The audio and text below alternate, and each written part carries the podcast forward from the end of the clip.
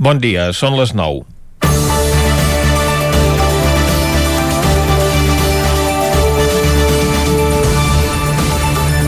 El llenguatge clar i directe de Josep Maria Argimon és un dels principals actius del Departament de Salut en la lluita contra la Covid-19. Senzillament perquè parlant sense embuts els ciutadans entenen el missatge que se'ls vol transmetre, especialment en temps de dubtes i confusió. Des que l'estiu passat es va convertir en secretari de Salut Pública va donar un tom a la gestió de la pandèmia. El seu nomenament va ser una imposició del president Quim Torra, que com ha anat manifestant aquests últims dies, en ocasió de la sortida al carrer del llibre on se sincera, les hores greus, es refiava poc de la consellera de Salut. Com que Alba Vergés portava gairebé dos mesos sense trobar substitut al secretari de Salut Pública Joan Guix, que havia dimitit per motius de salut, Quim Torra va donar un cop sobre la taula. Ahir, Argimon va perdre la paciència i no va dissimular la seva indignació quan li demanaven per la decisió del Tribunal Superior de Justícia de Catalunya que l'obliga a vaccinar més de 6.000 policies nacionals i guàrdies civils en un termini de 10 dies a petició dels seus sindicats. A hores d'ara, un 80% dels agents dels Mossos i de la Guàrdia Urbana de Barcelona han rebut la primera dosi i un 70% de policies locals. Aquest percentatge no arriba al 10% en els cossos i forces de seguretat de l'Estat a Catalunya, primer perquè van tardar a lliurar el llistat dels agents i després perquè volien que els sanitaris els fessin una vaccinació a la carta, en quarters i comissaries i respectant els torns de treball. No estaven disposats, com la resta de treballadors essencials, a fer cua en centres de vaccinació com el que hi ha, per exemple, al Sucre de Vic.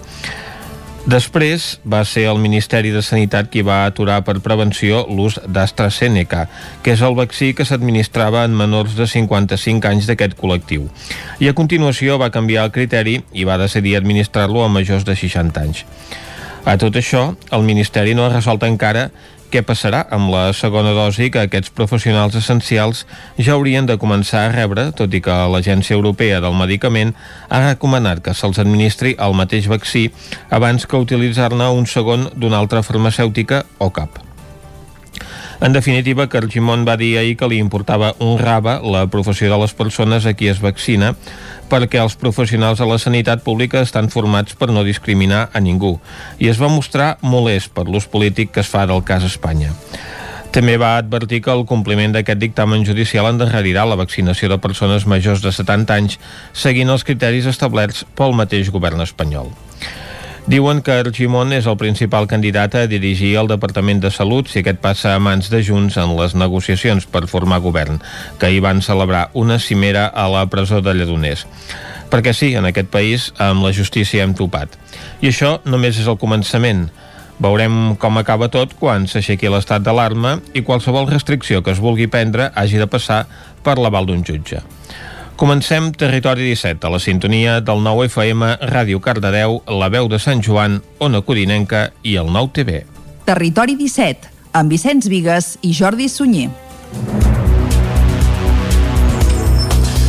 Són les 9 i 3 minuts i mig del dimecres, dia 28 d'abril de 2021. Comença aquí un nou Territori 17 que avui, com sempre, durant la primera hora us acostarà tota l'actualitat de les nostres comarques. Després, a partir de les 10, un nou butlletí informatiu, entrevista. Avui parlarem de literatura, lletra ferits, tindrem el Territori Sostenible amb Jordi Givert i per acabar al punt de les 12 del migdia farem un repàs a l'agenda cultural per aquest proper cap de setmana, marcat ja per la fi del confinament comarcal, per tant podrem gaudir de tots els esdeveniments dels quals ens en fem ressò aquí a Territori 17. Ara, però, el que toca és arrencar tot fent un repàs a l'actualitat de casa nostra, l'actualitat de les comarques del Ripollès, Osona, el Moianès i el Vallès Oriental.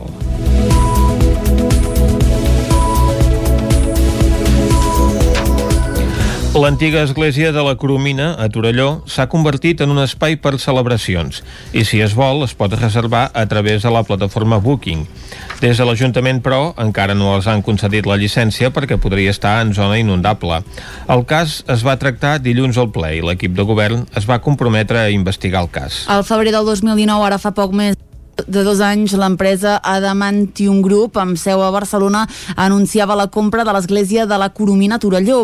Es tracta d'una església de l'arquitecte Josep Maria Periques i que, segons explicava fa dos anys, la nova propietat feia 40 anys que estava tancada. El seu objectiu era rehabilitar-la per destinar-la a espai per a esdeveniments. A hores d'ara, però, a través del portal Booking, l'espai es pot llogar com a allotjament. Això ha portat el grup de Junts per Torelló a traslladar una pregunta al ple de l'equip de govern govern. Segons el regidor d'Urbanisme, no hi hauria d'haver activitat perquè la sol·licitud per fer-ho està pendent de resposta, en part perquè podria estar en zona inundable. Sentim per aquest ordre a Adrià Jaumira, regidor d'Urbanisme de Torelló, i a Jordi Rossell, regidor de Junts. Sí, aquí estem, a, estem al cas. Aquesta, ara no sé si ho presenta com a empresa o com a persona privada, eh, han presentat a l'Ajuntament una sol·licitud de, de permís per activitat provisional de, de béns i celebracions que s'està analitzant des de, des de serveis tècnics de l'Ajuntament que al ser una zona inundable complica una mica la, la situació i s'està ja treballant per donar-los resposta. Si no té llicència, com és que si tu entres a la pàgina, una pàgina web de reserves d'hotel, pots reservar de la nit del 28 al 29 d'abril si no té llicència, com és que està obert? Junts va dur la pregunta al ple davant de les queixes d'alguns veïns i veïnes per les molèsties que han comportat les obres. Un d'aquests veïns va entrar una instància a l'Ajuntament l'estiu passat i, segons el regidor de Junts, encara espera resposta. L'Ajuntament de Manlleu ha aprofitat part de les antigues galeries secundàries al canal industrial per portar fins a la depuradora les aigües brutes de Baix Vila que encara arribaven directament al riu Ter. Les obres han costat 350.000 euros. Les galeries subterrànies es van construir al segle XIX i servien servien de sortida d'aigua per les fàbriques que hi havia a la riba del riu Ter. Des d'ara també es faran servir per acabar amb un punt negre del clavegaram de Manlleu amb una nova canonada que s'hi ha instal·lat en què l'Ajuntament hi ha invertit 350.000 euros. L'obra farà que més de 100 habitatges de Baix Vila, de carrers com l'Enric de l'Aris o el de Sant Ferran, deixin d'abocar directament al riu, explica el regidor de Serveis Territorials de l'Ajuntament de Manlleu, Enric Vilaragut unes conduccions de claveram que encara quedaven, quedaven pendentes de connectar, que anaven a parar al riu a través de la xarxa antiga del segle XIX dels canals de Manlleu, doncs l'hem reconduïda perquè vagi tot cap a la depuradora. A banda de trepitjar fang i brossa, moure's per dins les galeries serveix per constatar el treball d'enginyeria precís que s'amaga darrere de la infraestructura del canal industrial de Manlleu, la joia arquitectònica del patrimoni fabril de la ciutat. Un dels elements més bonics és un arc ogival que hi ha a l'altura del molí muntat d'Enric Vilaragut. El canal industrial que coneixem nosaltres feia com si fos l'espina de peix, a partir de la qual es anava derivant a les diferents indústries. Totes les indústries tenien un salt d'aigua com el que encara podem veure al Museu Industrial del Ter, és clar, la sortida o el salt d'aigua s'havia de recollir en algun lloc i es recull amb aquest canal que corre paral·lel i per on ara passen els cotxes a sobre.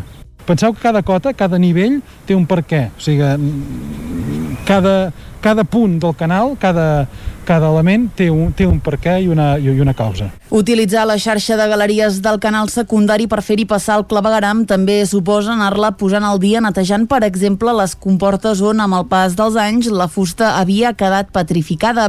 L'equip de govern de Manlleu té la voluntat de seguir recuperant aquest llegat subterrani. Cau el risc de rebrot al Moianès i la comarca se situa com la vuitena, amb l'índex més baix de Catalunya. Caral Campàs, des d'Ona Codinenca. Bones sensacions pel Moianès després de decretar-se un nou desconfinament comarcal. Amb 175 punts es situa com la vuitena comarca catalana amb el risc de rebrot més baix.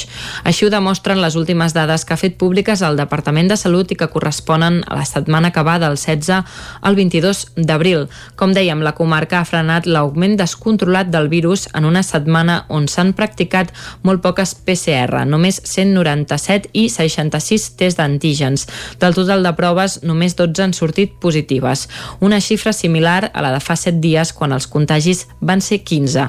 Això ha fet que el risc de rebrot es relaxi i passi dels 828 punts als 175 actuals en només dues setmanes, un índex que, això sí, continua classificant-se com a alt. Pel que fa a la R, que calcula la velocitat de propagació del virus, també baixa i es situa a 0,81 per sota de l'1, que és el recomanable. Aquesta millora de la situació s'observa si ho comparem també amb la xifra de fa dues setmanes que va arribar a 2,14. A més, el nombre de persones ingressades a l'hospital ha baixat. De moment, només hi ha 3 hospitalitzats pel virus. Si mirem poble per poble, preocupa principalment Calders, amb un risc de rebrot per sobre de 530 i 3 contagis en els últims dies. D'altra banda, les afectacions als centres educatius han desaparegut al Moianès. No s'ha produït cap contagi en els últims 10 dies. Paral·lelament, el ritme de vacunació ha baixat respecte al d'altres setmanes, sobretot amb la primera dosi, que se l'han posat només 267 persones. Pel que fa a la segona, s'han administrat 251 dosis els últims 7 dies. La gent gran de Cardedeu s'exercita dos cops per setmana al pavelló municipal amb l'ajuda de monitors esportius. Per fer-ho s'han creat grups reduïts depenent del nivell d'intensitat dels participants. David Auladell, de Ràdio Televisió, Cardedeu. Cada dimarts i dijous de 9 a 12 del matí la gent gran s'exercita al pavelló municipal amb l'ajuda dels monitors esportius. Existeixen diferents grups de treball que depenen del nivell d'intensitat dels participants. Cada setmana es realitzen diversos tipus d'activitats, steps, circuits de postes per temps, mobilitat articular, exercicis abdominals. Aquestes són algunes de les opcions que els participants es troben en els dies d'entrenament. Angélica Lima, participant de l'activitat. Aquí hacemos pues gimnasia, Eh, lo pasábamos muy bien, yo me lo paso muy bien. Estaba antes en, otro, en otra clase, pero me pasé a esta porque bueno, era más ágil y me gusta más. Y bueno, lo pasamos muy bien. Aquí hacemos gimnasia tanto dentro como fuera. Hoy tocaba fuera, pero como el tiempo estaba un poco así mal, pues lo hemos hecho dentro. Pero Bien, lo hacemos bien. Aquest tipus d'activitats afavoreix la salut dels participants i ajuda a millorar la seva condició física. A més a més, en aquestes sessions també existeix un component socialitzador. No només es treballa físicament, sinó que ajuda a crear noves relacions socials entre la gent gran. Escoltem Maria Gerard Ventura. Sí, per mantenir-me en forma i per sortir una mica, perquè jo també estic sola, o sigui, vull dir, jo soc viuda i llavors, pues, mira, et distreus de moltes maneres, no? Però bé, va, va molt bé. A mi la gimnàsia sempre m'ha agradat. L'objectiu d'aquestes sessions és animar la gent gran a fer esport i al mateix temps a cuidar-se mitjançant exercicis pel desenvolupament general i específic. Les obres de la Via Verda per connectar Camp de Bànol i Ripoll estaran acabades al mes de novembre. Isaac Muntades, des de la veu de Sant Joan. Aquest mes d'abril han començat les obres del tram de la Via Verda que ha d'unir Camp de Bànol i Ripoll de forma permanent. Ara mateix els treballs se centren en el tram que hi ha al costat de l'entrada del municipi Camp de Banolenc a la Nacional 260, just per sobre d'on hi ha l'edifici de l'estany Automoció, el punt quilomètric 120. La constructora està fent el desviament per on hauran de passar els vehicles perquè es pugui executar el pont subterrani per on passaran els ciclistes i senderistes que vulguin travessar la carretera per sota. L'alcaldessa de Junts per de Bànol, Dolors Costa, va recordar que aquesta obra ha patit diversos retards i inconvenients, que sobretot deriven de les constants exigències de l'actual Ministeri de Transports, Mobilitat i Agenda Urbana, el qual ha demanat moltíssims documents a la Diputació de Girona. De fet, és una obra que es va començar a plantejar cap a l'any 2016. Tornant a l'obra, quan s'hagi superat el pont subterrani, allà s'hi havia de col·locar una passera per superar el riu Freser com la que hi havia a l'entrada de Sant Joan de les Abadeses i es van portar la darrera riuada provocada pel temporal Glòria, però veient que no era molt robusta es va descartar construir un passallís i s'ha optat per una altra infraestructura. S'ha decidit és fer uns marcs empotrats a, la llera, a banda i banda de llera del riu, uns marcs metàl·lics, perquè estigués més reforçat, que si hi ha doncs, eh, alguna baixada de riu important, doncs que no se l'endugués per davant. Això, evidentment, ha fet que l'empresa que va guanyar la licitació doncs, hagi tingut que canviar també l'obra que tenia prevista fer. Estava, estava descrita en la licitació. Això també sembla ser que ens farà augmentar una miqueta el pressupost i esperem que amb els fons FEDERS doncs, puguem solucionar. Segons el Consorci de Vies Verdes de Girona, l'eix Ripoll Can de Bànol i el tram entre Can de Bànol i Gombrèn té un cost d'un milió d'euros. Aquest tram en concret per connectar el camí ral que ve de Ripoll fins al municipi Can de Banolenc està previst que s'acabi el 30 de novembre d'aquest 2021. Com que Costa ha explicat que cal canviar el passallís per creuar el Freser, ara s'està acabant de redactar el nou projecte. En canvi, el tram que falta entre Gombrèn i Can de Bànol, que va aproximadament de l'església de Sant Llorenç fins a l'Empalma, s'endarrerirà més. El tram que teníem previst fer, que ja teníem permís del propietari per passar, al anar a fer les cates de la terra, doncs, enmig que no és una terra sòlida, terra argilosa, per tant, impossible passar per allà. Llavors, hi ha altres alternatives, el que passa que aquestes alternatives comporten doncs, fer uns, uns descensos i uns ascensos que llavors suposarien un desnivell d'un 19%. I és clar, això diu, ningú ho faria. Des del consistori estan buscant alternatives, com per exemple fer un voladís pujant per la banda esquerra al pont que hi ha abans d'arribar a l'Empalma o buscar un altre traçat, ja que ho han demanat a un altre propietari i en aquest cas aquest no els hi cedeix els terrenys. Diumenge, diumenge es va entregar el Premi Miliari de Tona a la guanyadora del 2020. El premi, que es lliura anualment a algun veí del municipi per reconèixer els serveis prestats al poble, va ser per Antònia Serra i Baucells. El seu nom es va donar a conèixer durant la festa major de Sant Andreu a finals de novembre del novembre passat. 11 ciutadans i 4 entitats van proposar el seu nom i la mesa de valoració va ratificar la proposta pos, posant en valor la seva implicació en diverses entitats culturals i socials, així com també en la política municipal. A causa de les mesures per fer front a la pandèmia de la Covid-19 que han estat vigents durant els últims mesos, l'acte públic d'entrega del Premi Miliari es va ajornar fins aquest diumenge al migdia. La cerimònia es va fer al Camp de les Lloses de Tona i Antònia Serra va rebre el miliari de mans de l'alcalde Amadeu Lleupart. Al desembre, poc després de saber que era la guanyadora del màxim reconeixement que pot rebre un tonenc o tonenca per part del seu municipi, Serra ja s'havia mostrat molt agraïda i afalagada pel guardó. Després de la suspensió de l'any passat, aquest cap de setmana l'Esquirol va recuperar el mercat dels tastets a la terra i les trompetes. Diumenge, una vintena de parades omplien la plaça Nova. La pluja de primera hora no va espantar el recuperat mercat dels tastets de la terra i les trompetes de l'Esquirol, que aquest cap de setmana va celebrar la seva dotzena edició. Diumenge a la plaça Nova, una vintena de parades oferien tota mena de productes de proximitat. Les ganes de sortir dels veïns i veïnes es van fer notar en tot moment, omplint un espai adaptat a les mesures sanitàries per prevenir contagis de coronavirus. Ho detallava Àlex Muntanyà, alcalde de l'Esquirol. Bé, com aquestes últimes fires a tots els pobles de Catalunya i arreu d'Europa, de, doncs s'ha d'anar amb les mesures que ens va indicant el Procicat. Hem fet el, uns circuits d'anada i de tornada i a totes les parades, doncs, evidentment, amb, amb mascaretes. Intentem mantenir la distància, però és que hi ha unes ganes de sortir a l'aire lliure, unes ganes de, de degustar varietats de productes que tenim aquí exposats avui ganes de, malgrat el confinament, eh, hi ha molta gent de, del poble, molta gent de la comarca i amb unes més de 20 parades, eh, per tant estem, estem satisfets. A banda dels tradicionals formatges i embotits de la zona, l'essència de la fira i del coll sa cabra també va quedar representada amb les cerveses Cara Nord. Diumenge al migdia, Sebastián González, el seu elaborador, n'oferia un tastet. Todas mis cervezas intentan tejer este puente. Nunca se van a encontrar algo muy subido de nada. Son sutiles. Y la cuarta cerveza es una cerveza rosa, pura y dura, como digo yo, que no quiere, que no intenta, que no pretende más que eso, que tomar algo de calidad como lo que tomamos toda la vida. La fira va estar amenitzada pels alumnes de l'Escola de Música de l'Esquirol, al Faristol, que van posar el toc musical a una jornada que es va allargar fins ben avançada la tarda. I fins aquí el butlletí informatiu que us hem ofert amb Vicenç Vigues, Clàudia Dinarès, David Auladell, Caral Campàs i Isaac Muntades. Ara el que toca és fer un cop d'ull al temps.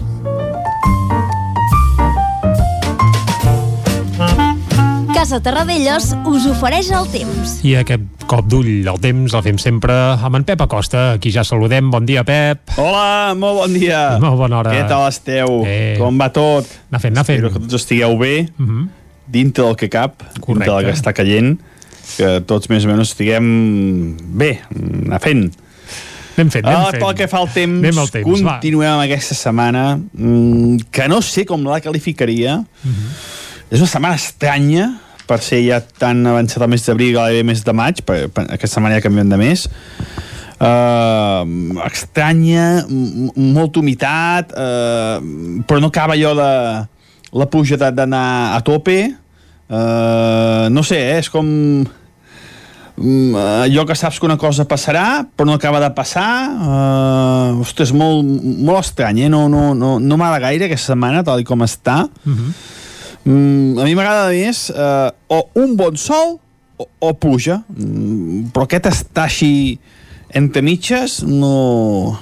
Ostres, no, no, no m'acaba d'agradar, Doncs eh? és el que hi ha, Pep. Com si et vols tirar l'aigua a preestiu, eh, ai, com et vols tirar al mar, eh, et vas tirant, després mm, no vols tirar perquè està freda, Cas on. O allò que veus que vas a, a lligar i, i no s'acaba de concretar la cosa perquè algú falla, doncs pues, pues no sé, eh?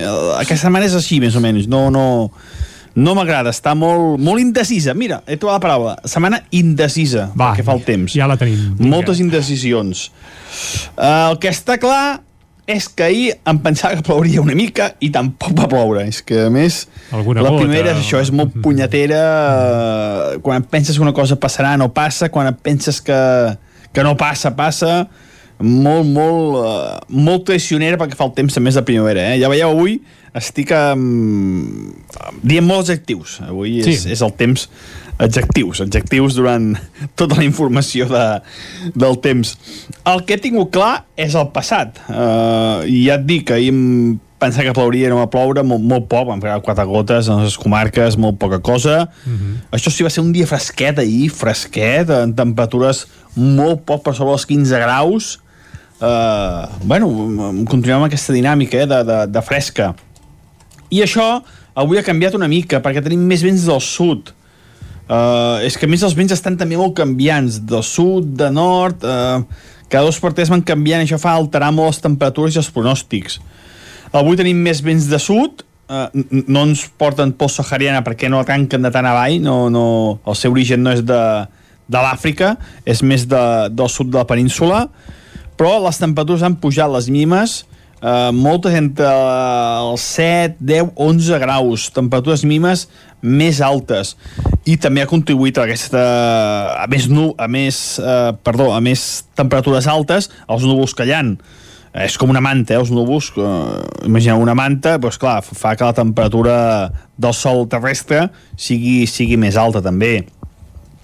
Eh, però, eh, ja et dic, eh, mm, ara els, els mapes diuen que els pròxims dies vindrà vent de nord, és que, és que estan canviant aquest temps, aquests dies, mm -hmm. molt difícil de, de, predir, de predir, molt difícil de preveure. Avui, eh, aviam, avui al matí eh, és que serà un dia molt semblant al d'ahir, molts núvols, fins i tot alguna clariana poder, de, de, en alguna estona, però els núvols seran els amos i senyors del dia d'avui majoritàriament i poques pluges. No, no, no acaba allò, com deia abans, de- d'arrencar la cosa i es preveuen avui poques pluges. Uh, això és el que es preveu. És que ja et dic, la primavera et pot sorprendre i pot fer un bon patac d'aigua en qualsevol moment a qualsevol lloc. Però sembla que no serà, uh, no serà la situació d'avui. Com deia, molts núvols. Això sí, pot ploure en qualsevol moment, també, a qualsevol lloc, però jo crec que seran pluges molt minces. Uh, poca cosa. Al contrari del que es pugui pensar, la temperatura pujarà, impulsada per aquests vents de sud. I alguns valors s'acostaran als 20 graus. No farà calor ni molt menys, però no serà un ambient tan fresc com el d'ahir. Moltes gràcies i fins demà. Va, bon Pep, dia. fins demà. Avui el notàvem especialment retòric, el Pep, eh? Anem ara cap al quiosc. Casa Tarradellas us ha ofert aquest espai. Territori 17.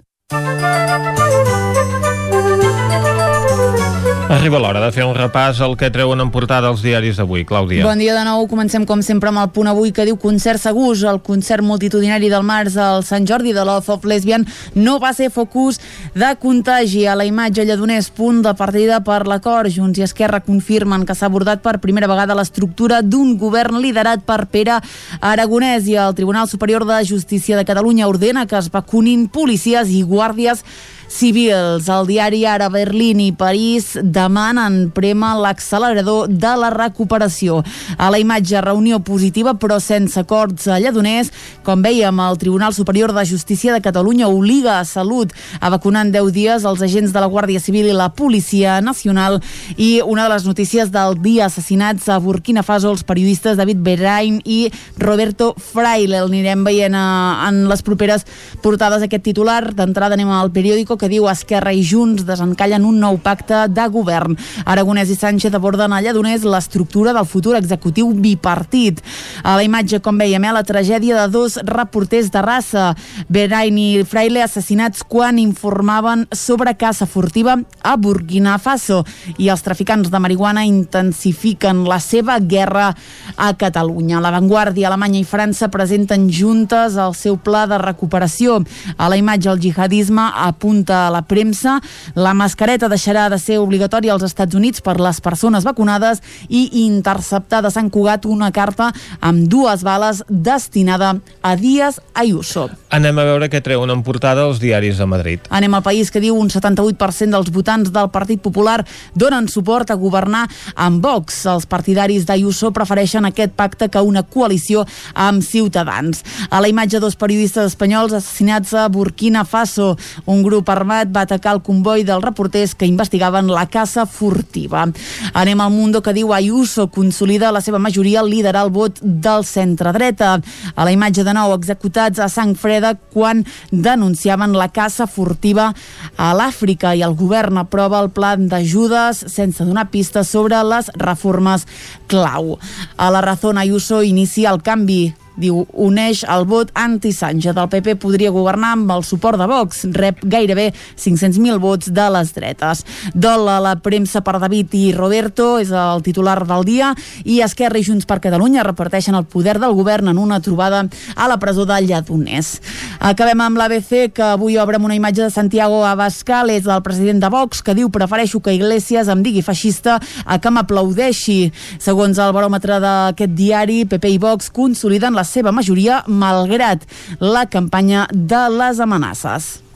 Santiago Abascal, doncs, avui a la portada de l'ABC, aquí entrevisten, malgrat no ser candidat a les eleccions madrilenyes, que és el que focalitzen les portades de la premsa de la capital espanyola, amb diferents enquestes, totes amb el mateix sentit, també la que publicava ahir al País, amb aquesta doncs, millora dels resultats electorals del PP, que segons l'ABC podria arribar a doblar, a més que doblar fins i tot els 30 diputats que ara mateix té. Les enquestes també doncs, donen al PSOE una davallada de diputats que podria ser d'entre 4 i 10. Mas Madrid ja té una lleugera millora, estaria entre al voltant dels 21 eh, diputats segons aquestes enquestes, Vox estaria entre 12 i 14, Unidas Podemos es quedaria amb 11 i el que eh, certifiquen totes les enquestes és la desaparició de l'Assemblea de Madrid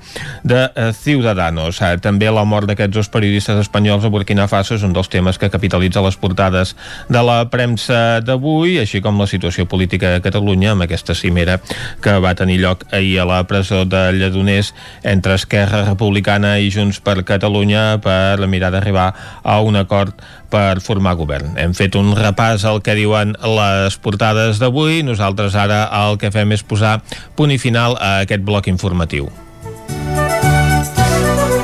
I ara el que toca és fer una pausa i tornem de seguida a dos quarts amb més informació aquí Territori 17. Fins ara mateix. El nou FM, la ràdio de casa, al 92.8. Rètols 2A. Experts en comunicació visual. Rètols, banderoles, vinils, impressió, plaques gravades, senyalització, display... Rètols 2 Art. Ja són 25 anys al vostre servei. Ens trobareu a la carretera de Vic a Olot, número 7, al polígon Malloles de Vic. dosartvic.com Telèfon 93 889 2588. Cocodril Club. Si t'agrada la bona música dels anys 60, 70 i 80, escolta el 9 FM als matins de dissabtes i diumenges d'11 a 1. És el temps del Cocodril Club, tot un clàssic de la ràdio, amb les bases del pop-rock, les llegendes, les cançons que s'han convertit en autèntics himnes. Recorda, dissabtes i diumenges al matí, d'11 a 1, al 9 FM 92.8. Cocodril Club, el programa revival de l'Albert Malla. Hasta luego, cocodrilo. Anuncia't al 9FM. La màquina de casa. 9 3 8 8 9 4 9 4 9. Publicitat arroba al 9FM.cat. Anuncia't al 9FM. La publicitat més eficaç. Aquesta primavera, per estar bé a casa, vine a Mobles Verdolet. Sofàs, sales d'estudi, dormitoris, menjadors i molt més. Mobles fets a mida. Mobles Verdolet. Ens trobareu al carrer Morgades 14 de Vic i al carrer 9 44 de Torelló i també a moblesverdolet.com. A Aquari Jordi hi trobaràs periquitos, canaris i tot tipus d'ocells, conills, hàmster, ratolins, rates índies, peixos tropicals i molt més. Aquaris, tortugues, joguines i tots els complements i menjars per tot tipus d'animals. Vine a informar-te de totes les nostres ofertes. Aquari Jordi som al carrer Nou número 34 de Vic i també a Instagram. Per al Dia de la Mare, vine a la Cakery a buscar un dolç ram. Galetes decorades i cupcakes especials. Pastissos personalitzats, galetes, cookies, brownies i molt més. Ens trobaràs a Vic, al carrer de Gurb 34 Baixos, al telèfon 93 886 70 51 i també a Instagram i Facebook.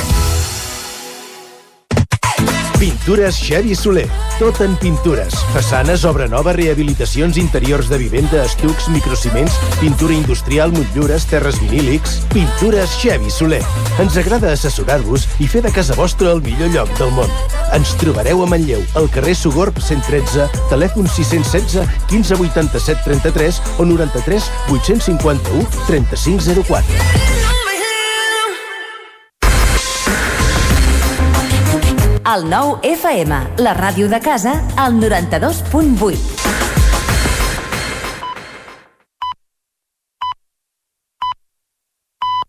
Territori 17, amb Vicenç Vigues i Jordi Sunyer.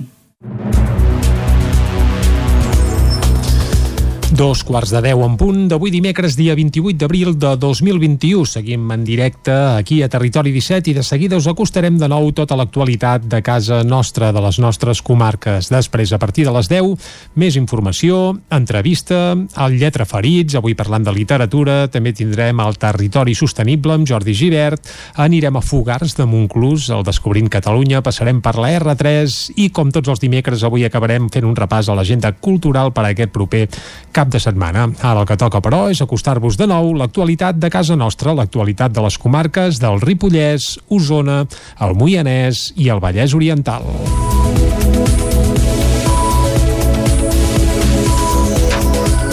L'antiga església de la Coromina, a Torelló, s'ha convertit en un espai per celebracions i, si es vol, es pot reservar a través de la plataforma Booking.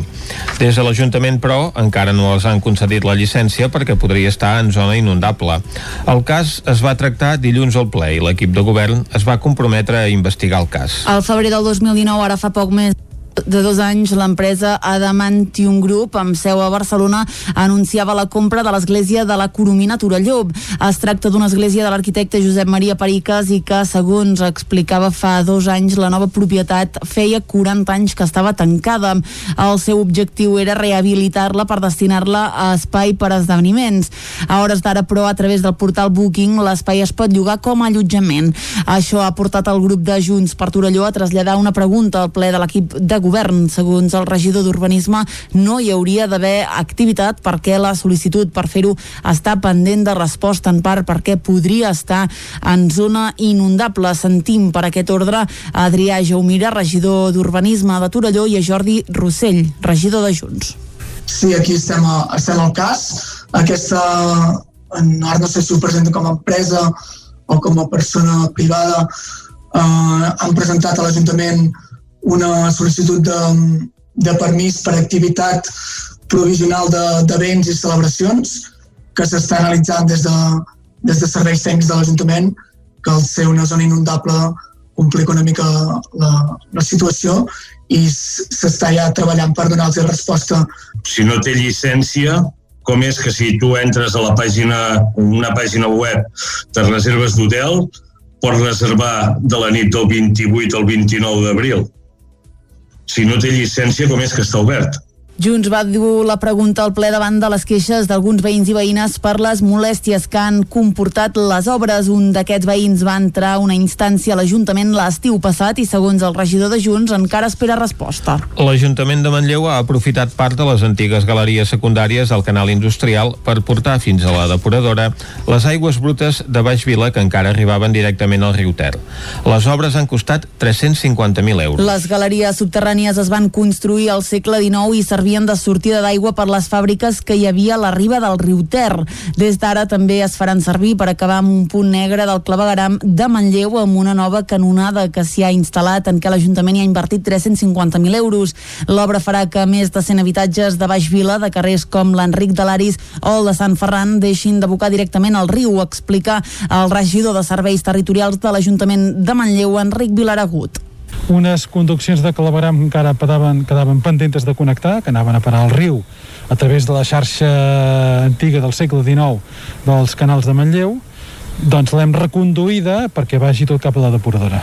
A banda de trepitjar fang i brossa, moure's per dins les galeries serveix per constatar el treball d'enginyeria precís que s'amaga darrere de la infraestructura del canal industrial de Manlleu, la joia arquitectònica del patrimoni fabril de la ciutat.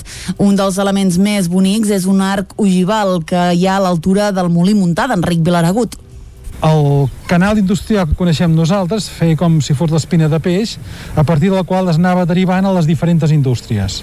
Totes les indústries tenien un salt d'aigua com el que encara podem veure al Museu Industrial del Ter i és clar, la sortida o el salt d'aigua s'havia de recollir en algun lloc i es recull amb aquest canal que corre paral·lel i per on ara passen els cotxes a sobre. Penseu que cada cota, cada nivell té un per què, o sigui, cada, cada punt del canal, cada, cada element té un, té un per què i una, i una causa. Utilitzar la xarxa de galeries del canal secundari per fer-hi passar el clavegaram també suposa anar-la posant al dia netejant, per exemple, les comportes on amb el pas dels anys la fusta havia quedat petrificada. L'equip de govern de Manlleu té la voluntat de seguir recuperant aquest llegat subterrani. Cau el risc de rebrot al Moianès i la comarca se situa com la vuitena amb l'índex més baix de Catalunya. Caral Campàs, des d'Ona Codinenca. Bones sensacions pel Moianès després de decretar-se un nou desconfinament comarcal. Amb 175 punts es situa com la vuitena comarca catalana amb el risc de rebrot més baix.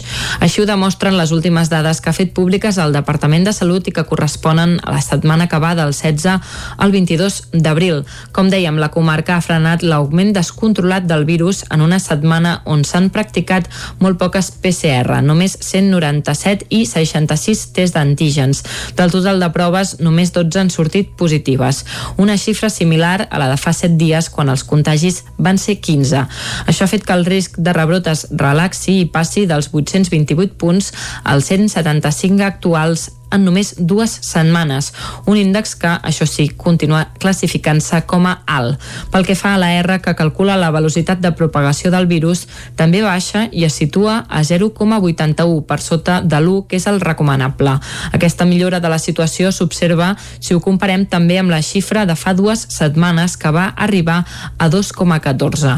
A més, el nombre de persones ingressades a l'hospital ha baixat. De moment només hi ha 3 hospitalitzats pel virus. Si mirem poble per poble preocupa principalment Calders amb un risc de rebrot per sobre de 530 i 3 contagis en els últims dies. D'altra banda, les afectacions als centres educatius han desaparegut al Moianès. No s'ha produït cap contagi en els últims 10 dies.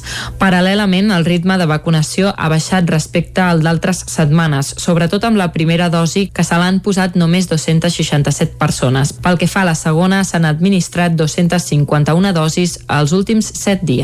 La gent gran de Cardedeu s'exercita dos cops per setmana al pavelló municipal amb l'ajuda de monitors esportius. Per fer-ho s'han creat grups reduïts depenent del nivell d'intensitat dels participants.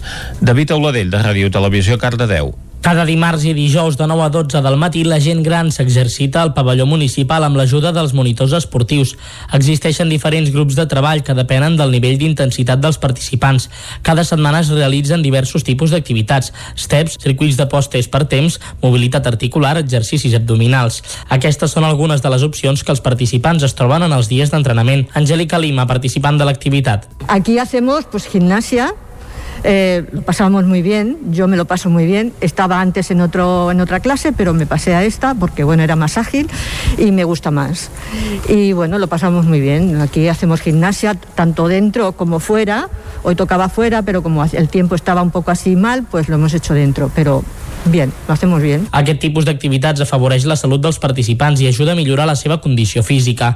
A més a més, en aquestes sessions també existeix un component socialitzador. No només es treballa físicament, sinó que ajuda a crear noves relacions socials entre la gent gran. Escoltem Maria Gerard Ventura. Sí, per mantenir-me en forma i per sortir una mica, perquè jo també estic sola, o sigui, vull dir, jo soc viuda i llavors, pues, mira, et distreus de moltes maneres, no? Però bé, va, va molt bé. A mi la gimnàsia sempre m'ha agradat. L'objectiu d'aquestes sessions és animar la gent gran a fer esport i al mateix temps a cuidar-se mitjançant exercicis pel desenvolupament general i específic. Les obres de la Via Verda per connectar Camp de Bànol i Ripoll estaran acabades al mes de novembre. Isaac Muntades, des de la veu de Sant Joan. Aquest mes d'abril han començat les obres del tram de la Via Verda que ha d'unir Camp de Bànol i Ripoll de forma permanent. Ara mateix els treballs se centren en el tram que hi ha al costat de l'entrada del municipi Camp de Banolenc a la Nacional 260, just per sobre d'on hi ha l'edifici de l'estany Automoció, el punt quilomètric 120. La constructora està fent el desviament per on hauran de passar els vehicles perquè es pugui executar el pont subterrani per on passaran els ciclistes i senderistes que vulguin travessar la carretera per sota. L'alcaldessa de Junts per Camp Bànol, Dolors Costa, va recordar que aquesta obra ha patit diversos retards i inconvenients, que sobretot deriven de les constants exigències de l'actual Ministeri de Transports, Mobilitat i Agenda Urbana, el qual ha demanat moltíssims documents a la Diputació de Girona. De fet, és una obra que es va començar a plantejar cap a l'any 2016. Tornant a l'obra, quan s'hagi superat el pont subterrani, allà s'hi havia de col·locar una passera per superar el riu Freser com la que hi havia a l'entrada de Sant Joan de les Abadeses i es va emportar la darrera riuada provocada pel temporal Glòria. Però veient que no era molt robusta, es va descartar construir un passallís i s'ha optat per una altra infraestructura. S'ha decidit és fer uns marcs empotrats a, la llera, a banda i banda de llera del riu, uns marcs metàl·lics, perquè estigués més reforçat, que si hi ha doncs, eh, alguna baixada de riu important, doncs que no se l'endugués per davant. Això, evidentment, ha fet que l'empresa que va guanyar la licitació doncs, hagi tingut que canviar també l'obra que tenia prevista fer. Estava, estava descrita en la licitació. Això també sembla ser que ens farà augmentar una miqueta el pressupost i esperem que amb els fons FEDERS doncs, puguem solucionar. Segons el Consorci de Vies Verdes de Girona, l'eix Ripoll-Can de Bànol i el tram entre Can de Bànol i Gombrèn té un cost d'un milió d'euros. Aquest tram en concret per connectar el camí ral que ve de Ripoll fins al municipi Can de Banolenc està previst que s'acabi el 30 de novembre d'aquest 2021. Com que Costa ha explicat que cal canviar el passallís per creuar el Freser, ara s'està acabant de redactar el nou projecte. En canvi, el tram que falta entre Gombrèn i Can de Bànol, que va aproximadament de l'església de Sant Llorenç fins a l'Empalma, s'endarrerirà més. El tram que teníem previst fer, que ja teníem permís del propietari per passar, al anar a fer les cates de la terra, doncs han vist que no és una terra sòlida, terra argilosa, per tant, impossible passar per allà. Llavors, hi ha altres alternatives, el que passa que aquestes alternatives comporten doncs, fer uns, uns descensos i uns ascensos que llavors suposarien un desnivell d'un 19%. I és clar, això diu, ningú ho faria. Des del consistori estan buscant alternatives, com per exemple fer un voladís pujant per la banda esquerra al pont que hi ha abans d'arribar a l'Empalma o buscar un altre traçat, ja que ho han demanat a un altre propietari i en aquest cas aquest no els hi cedeix els terrenys. Diumenge, diumenge es va entregar el Premi Miliari de Tona a la guanyadora del 2020. El premi, que es lliura anualment a algun veí del municipi per reconèixer els serveis prestats al poble, va ser per Antònia Serra i Baucells. El seu nom es va donar a conèixer durant la festa major de Sant Andreu a finals de novembre del novembre passat. 11 ciutadans i 4 entitats van proposar el seu nom i la mesa de valoració va ratificar la proposta pos, posant en valor la seva implicació en diverses entitats culturals i socials, així com també en la política municipal. A causa de les mesures per fer front a la pandèmia de la Covid-19 que han estat vigents durant els últims mesos, l'acte públic d'entrega del Premi Miliari es va ajornar fins aquest diumenge al migdia. La cerimònia es va fer al Camp de les Lloses de Tona i Antònia Serra va rebre el miliari de mans de l'alcalde Amadeu Lleupart. Al desembre, poc després de saber que era la guanyadora del màxim reconeixement que pot rebre un tonenc o tonenca per part del seu municipi, Serra ja s'havia mostrat molt agraïda i afalagada pel guardó.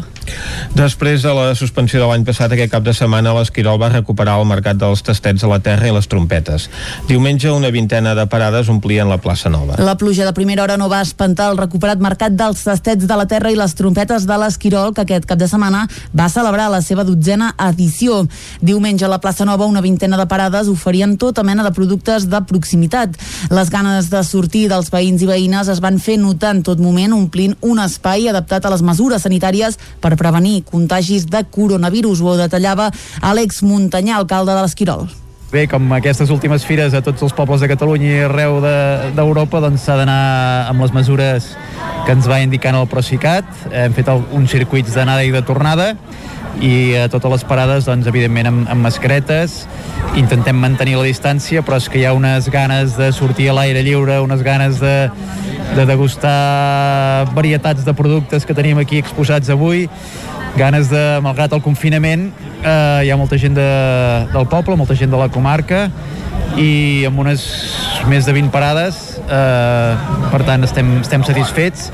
A banda dels tradicionals formatges i embotits de la zona, l'essència de la fira i del coll sa cabra també va quedar representada amb les cerveses Cara Nord. Diumenge al migdia, Sebastián González, el seu elaborador, n'oferia un tastet.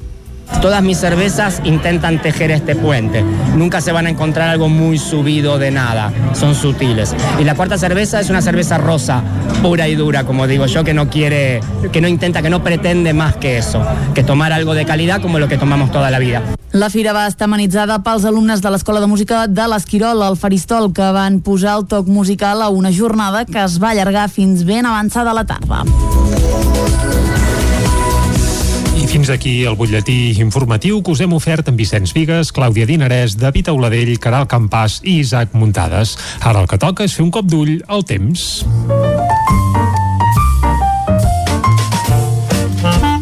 Casa Terradellos us ofereix el temps. I aquest cop d'ull al temps el fem sempre amb en Pep Acosta. Aquí ja saludem. Bon dia, Pep. Hola, molt bon dia. Molt bona hora. Què tal esteu? Eh. Com va tot? Anar fent, anar fent. Espero que tots estigueu bé, Uh -huh. Dintre del que cap, dintre del que està caient, que tots més o menys estiguem bé, anar fent. Anem fent, anem Ah, fent. pel que fa al temps, Anem al temps, va. continuem amb aquesta setmana, mm, que no sé com la qualificaria. Mhm. És una setmana estranya, per ser ja tan avançat el mes d'abril gairebé mes de maig, per, per, aquesta setmana ja canviem de mes. Uh, estranya, m- m- molta humitat, uh, però no acaba allò de la pluja de- d'anar a tope. Uh, no sé, eh, és com mm, allò que saps que una cosa passarà però no acaba de passar uh, ostres, molt, molt estrany eh? no, no, no, no m'agrada gaire aquesta setmana tal com està mm, a mi m'agrada més uh, o un bon sol o, o pluja mm, però aquest està així entre mitges no... Ostres, no, no, no m'acaba d'agradar. Doncs eh? és el que hi ha, Pep. Com si et vols tirar l'aigua a preestiu, eh, ai, com et vols tirar al mar, eh, et vas tirant, després mm, no vols tirar perquè està freda, Cas on dena. o allò que veus que vas a, a lligar i, i no s'acaba de concretar la cosa perquè algú falla, doncs pues, pues no sé, eh, aquesta setmana és així, més o menys, no, no, no m'agrada, està molt, molt indecisa. Mira, he trobat la paraula, setmana indecisa, Va, que fa el temps. Ja la tenim. Moltes indecisions.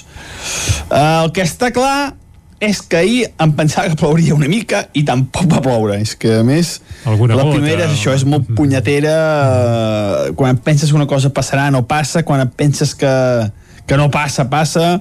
Molt, molt, uh, molt traicionera perquè fa el temps també és de primavera. Eh? Ja veieu, avui estic um, dient molts adjectius. Avui és, Sí. és el temps adjectius, adjectius durant tota la informació de, del temps.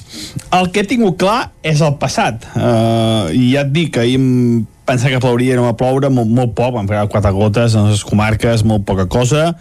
Això sí, va ser un dia fresquet ahir, fresquet, en temperatures molt poc per sobre els 15 graus. Uh, bueno, continuem amb aquesta dinàmica eh, de, de, de fresca. I això avui ha canviat una mica, perquè tenim més vents del sud. Uh, és que a més els vents estan també molt canviants, del sud, de nord, uh, cada dos per tres van canviant, això fa alterar molt les temperatures i els pronòstics.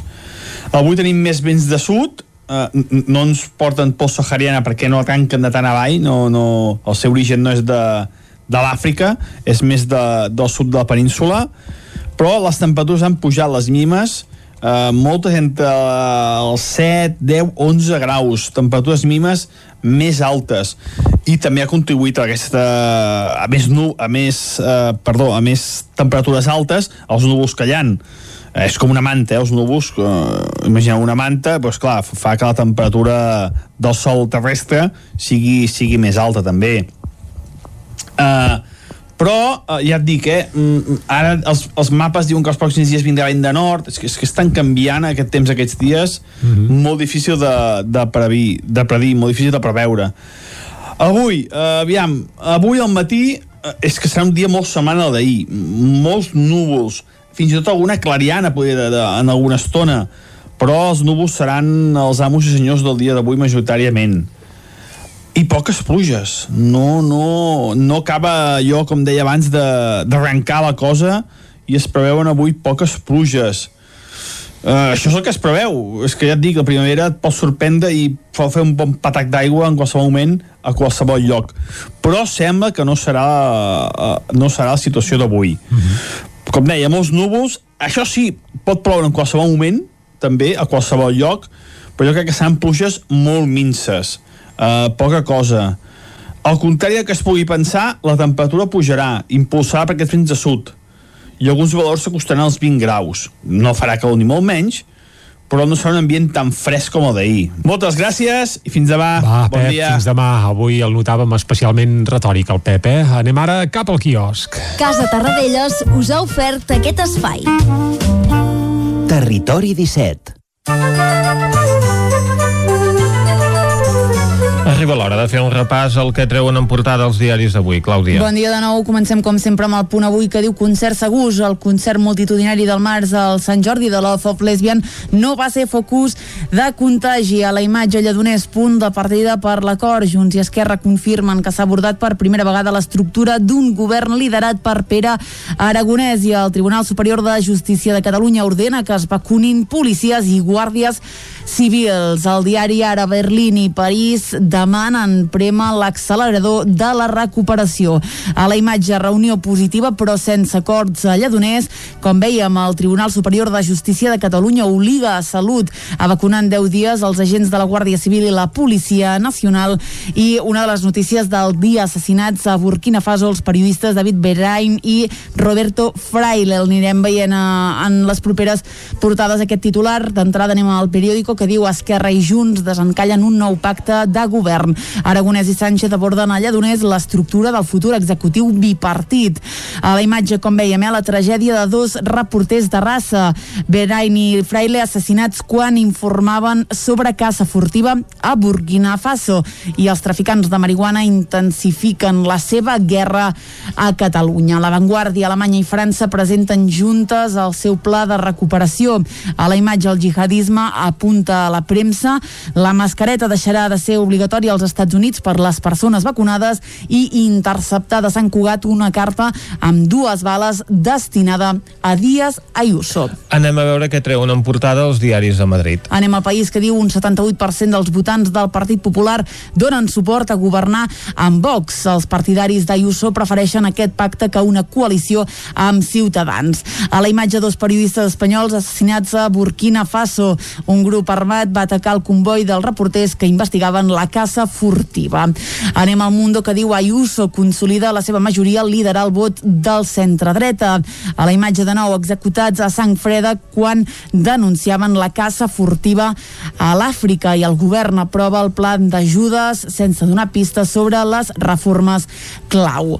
A la raó Ayuso inicia el canvi diu, uneix el vot anti-Sánchez. El PP podria governar amb el suport de Vox. Rep gairebé 500.000 vots de les dretes. Dol a la premsa per David i Roberto, és el titular del dia, i Esquerra i Junts per Catalunya reparteixen el poder del govern en una trobada a la presó de Lledoners. Acabem amb l'ABC, que avui obre amb una imatge de Santiago Abascal, és el president de Vox, que diu prefereixo que Iglesias em digui feixista a que m'aplaudeixi. Segons el baròmetre d'aquest diari, PP i Vox consoliden la seva majoria malgrat la campanya de les amenaces. Santiago Abascal, doncs, avui a la portada de l'ABC, aquí entrevisten, malgrat no ser candidat a les eleccions madrilenyes, que és el que focalitzen les portades de la premsa de la capital espanyola, amb diferents enquestes, totes amb el mateix sentit, també la que publicava ahir al País, amb aquesta doncs, millora dels resultats electorals del PP, que segons l'ABC podria eh, arribar a doblar, a més que doblar fins i tot els eh, 30 diputats que ara mateix eh, té. Les enquestes també doncs, donen al PSOE una davallada de diputats que podria ser d'entre 4 i 10. Mas Madrid ja té una lleugera millora, estaria entre al voltant dels 21 eh, diputats segons aquestes enquestes, Vox estaria entre 12 i 14, Unidas Podemos es quedaria amb 11 i el que eh, certifiquen totes les enquestes és la desaparició de l'Assemblea de Madrid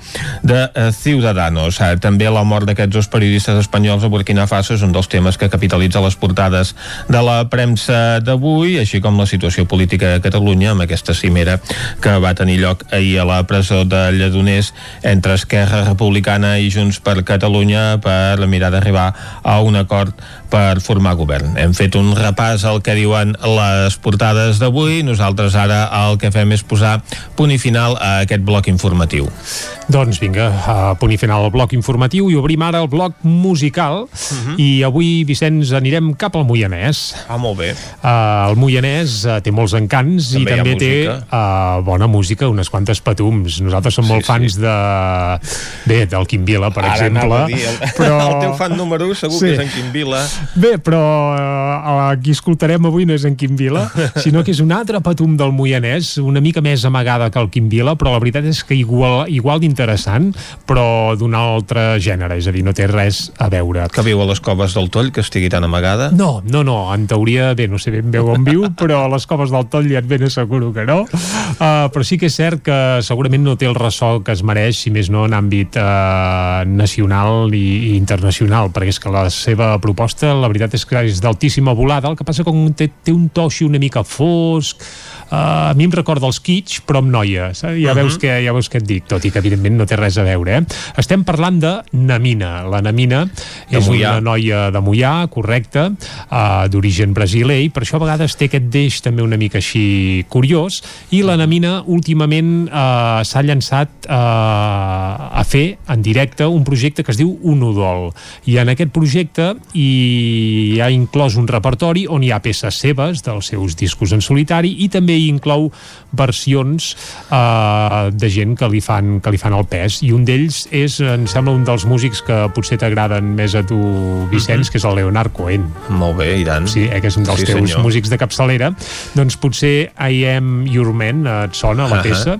Doncs a la Namina també li sona i l'ha passat pel seu sedàs, acompanyat de la seva banda, i n'ha fet una versió fantàstica que, si et sembla, escoltarem ara mateix fins a arribar al punt de les 10 aquí a Territori 17. Oh, i tant. Sí, doncs ja l'estem escoltant de fons, la Namina des de Mollà, amb aquesta versió de la I Am de Leonard Cohen, una versió que es pot escoltar en el seu espectacle en directe, un projecte que ha titulat Un Udol i que ja està en dansa i que tant de bo puguem veure ben aviat en directe. Us deixem amb la Namina fins al punt de les 10 aquí a Territori 17.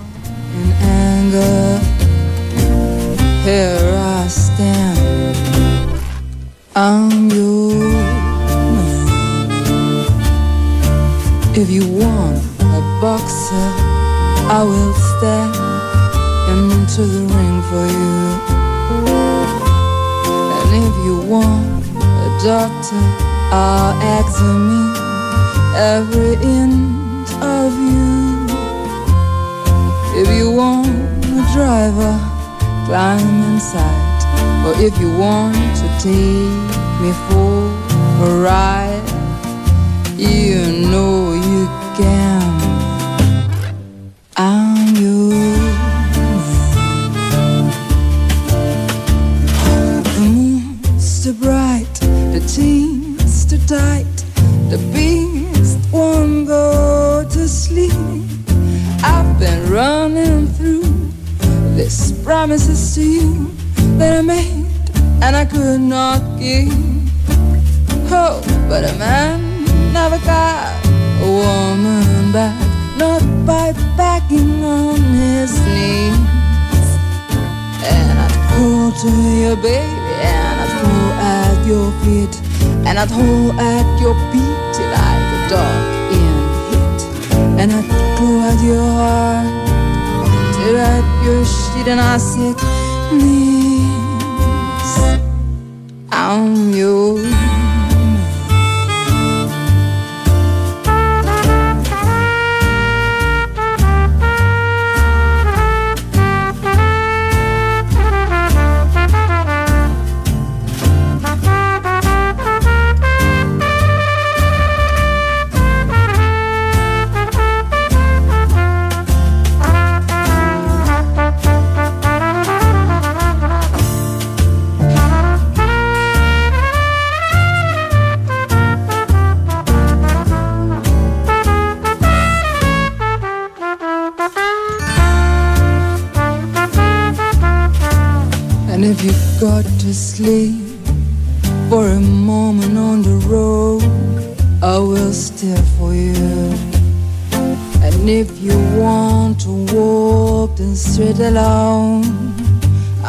Disappear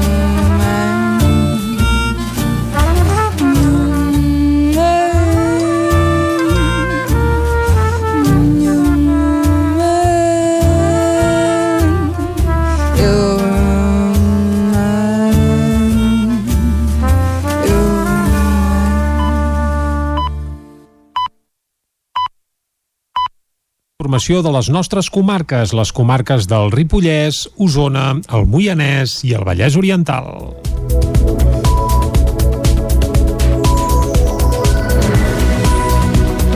El biguetà Josep Maria Reniu és una de les tres persones que Esquerra Republicana de Catalunya proposa com a senador designat pel Parlament. El partit ho va fer públic ahir en un comunicat on el mateix Reniu mostrava ja el seu compromís, il·lusió i implicació per entomar la nova responsabilitat. Josep Maria Reniu és doctor en Ciència Política i de l'Administració i professor de la Universitat de Barcelona. També és expert en governs de coalició, vot electrònic i eleccions i va dirigir l'Oficina per la Millora de les Institucions d'Autogovern quan Oriol Junqueras ocupava la vicepresidència de la Generalitat. També va formar part del Consell Assessor per la Transició Nacional. A part de Reniu, els republicans han nomenat Adelina Escandell, que ja és senadora per sobiranistes, i l'advocat Pau Furriol. Les tres designacions s'hauran de portar ara al ple del Parlament. Esquerra tindrà en total 14 representants al Senat. El Moianès és la comarca de Catalunya on més ha crescut el comerç i la restauració durant la pandèmia. Caral Campàs és d'Ona Codinenca.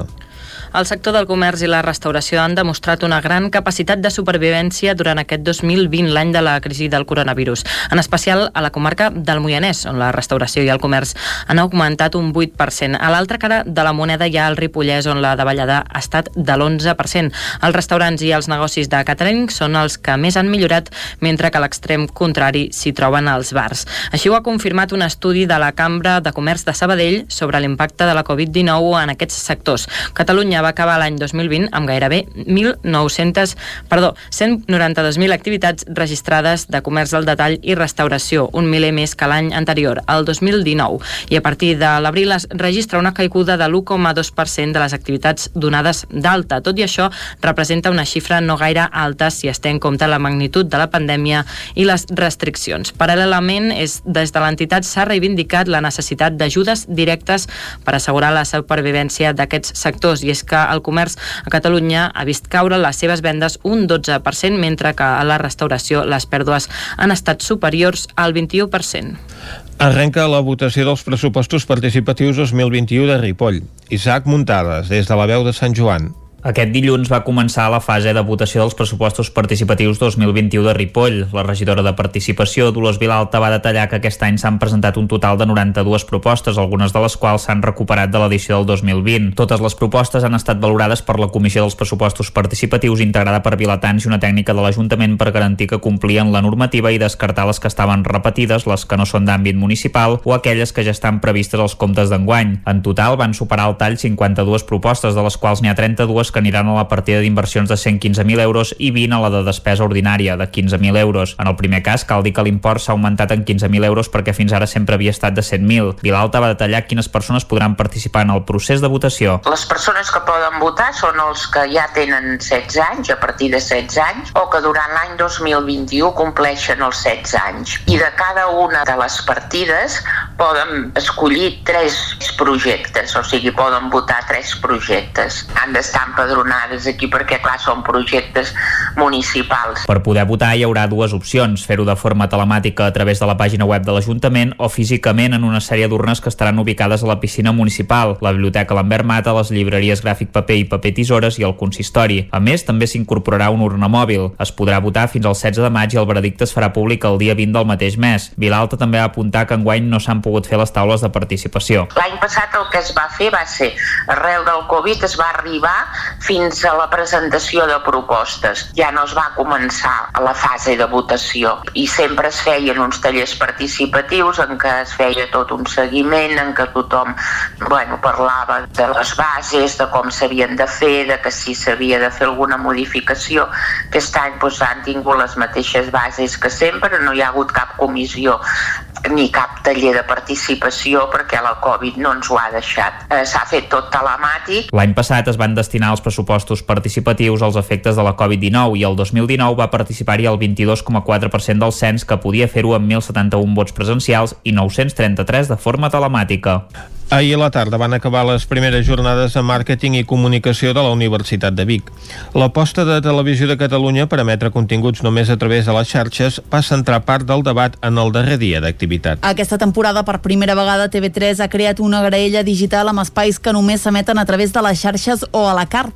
Aquesta novetat va centrar el debat d'ahir al matí sobre el concepte de televisió líquida que van protagonitzar Jordi Pi, productor executiu de continguts digitals de la Corporació Catalana de Mitjans Audiovisuals, i Àlex Marquina, director d'estratègia de marca de la mateixa corporació. Sentim en primer lloc a Jordi Pi.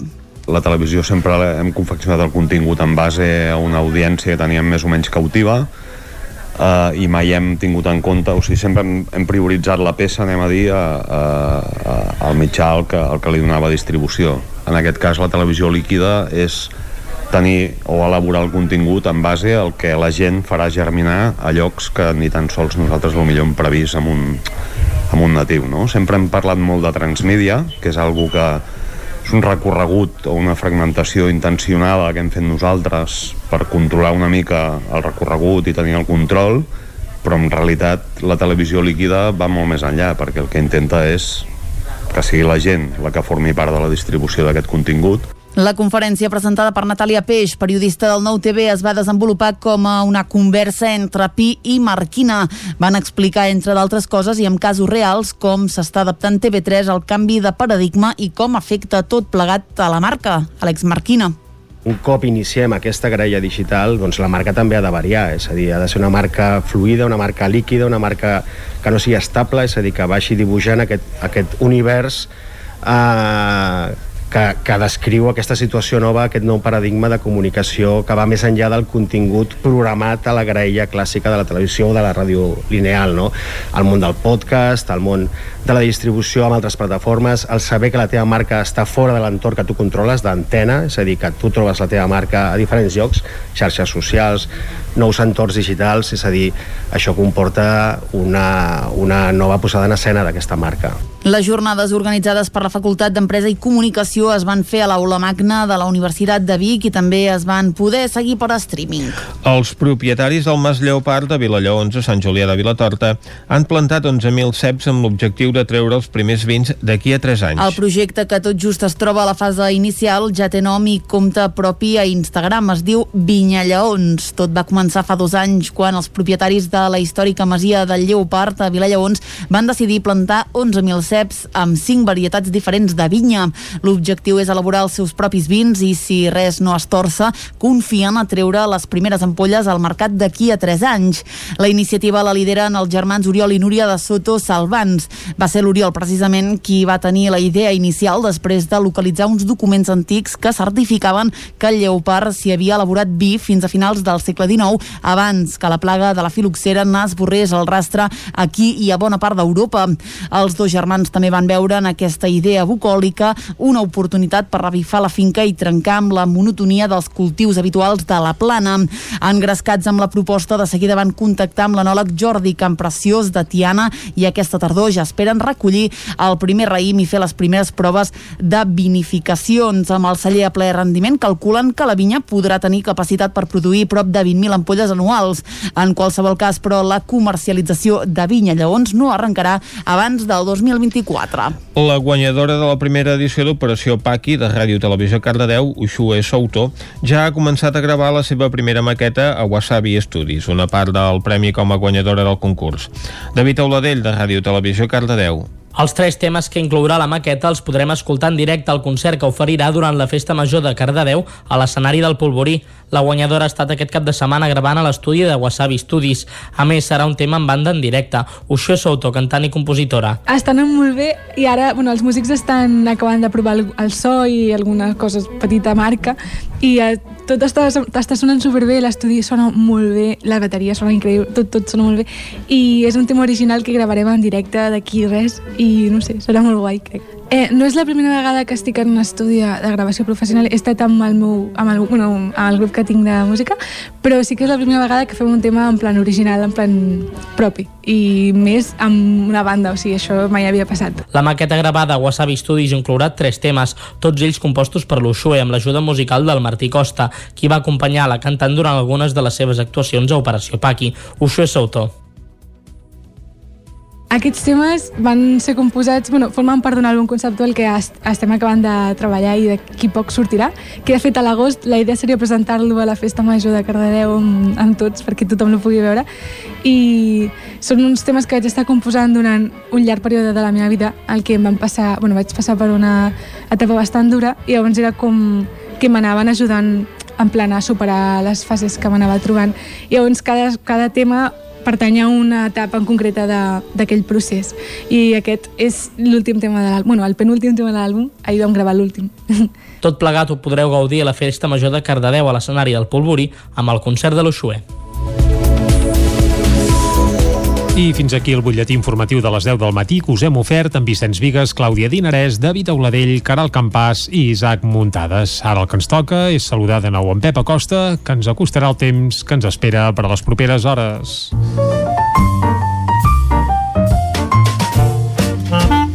Casa Terradellos us ofereix el temps.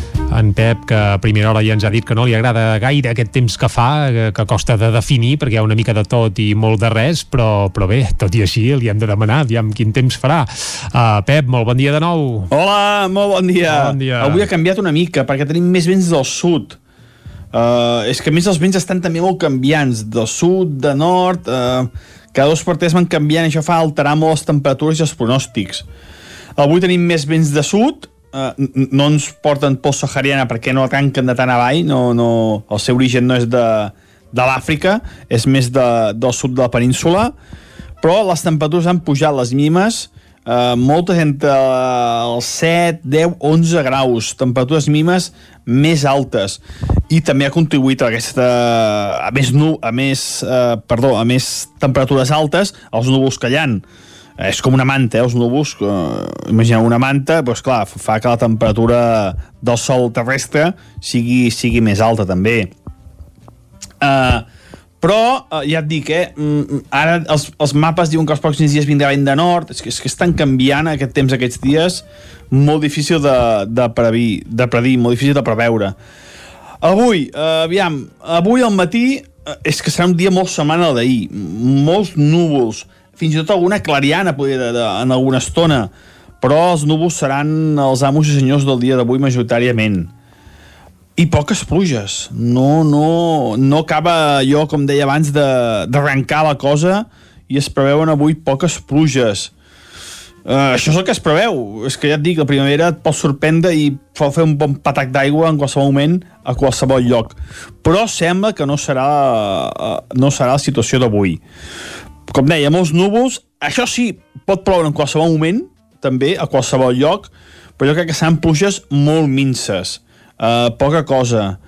Al contrari del que es pugui pensar, la temperatura pujarà, impulsarà per aquest frens de sud i alguns valors s'acostaran als 20 graus. No farà calor ni molt menys, però no serà un ambient tan fresc com el d'ahir, una mica més de, de suavitat.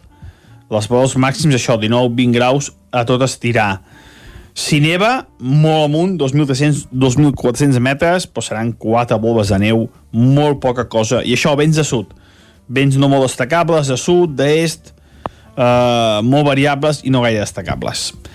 I com deia, els pròxims dies sembla que es forma una, una baixa a prop nostra i, i, i la inestabilitat augmentarà, però ja et dic, els maps estan canviant cada dos per tres i veurem què acaba succeint. Moltes gràcies i fins demà. Bon dia.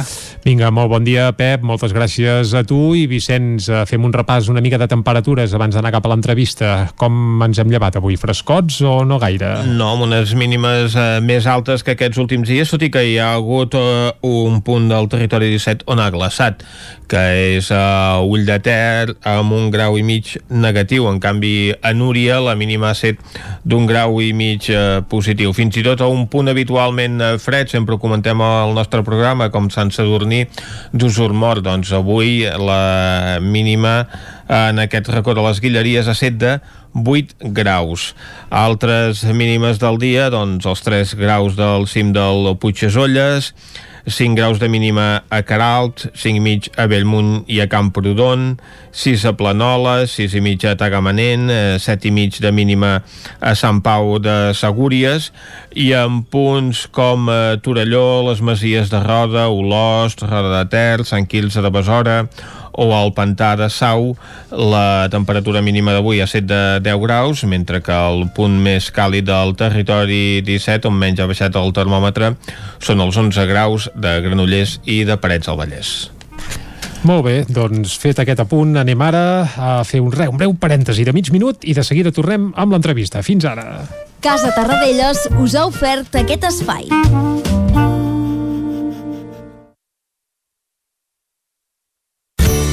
Territori 17. Envia Territori 17. De veu a WhatsApp al 646 079 023. 646 079 023. WhatsApp Territori 17.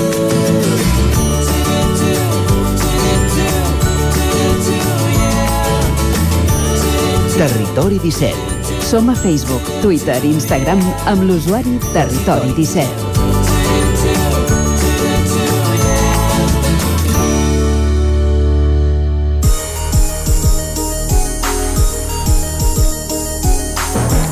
Ara mateix passa un minut d'un quart d'onze.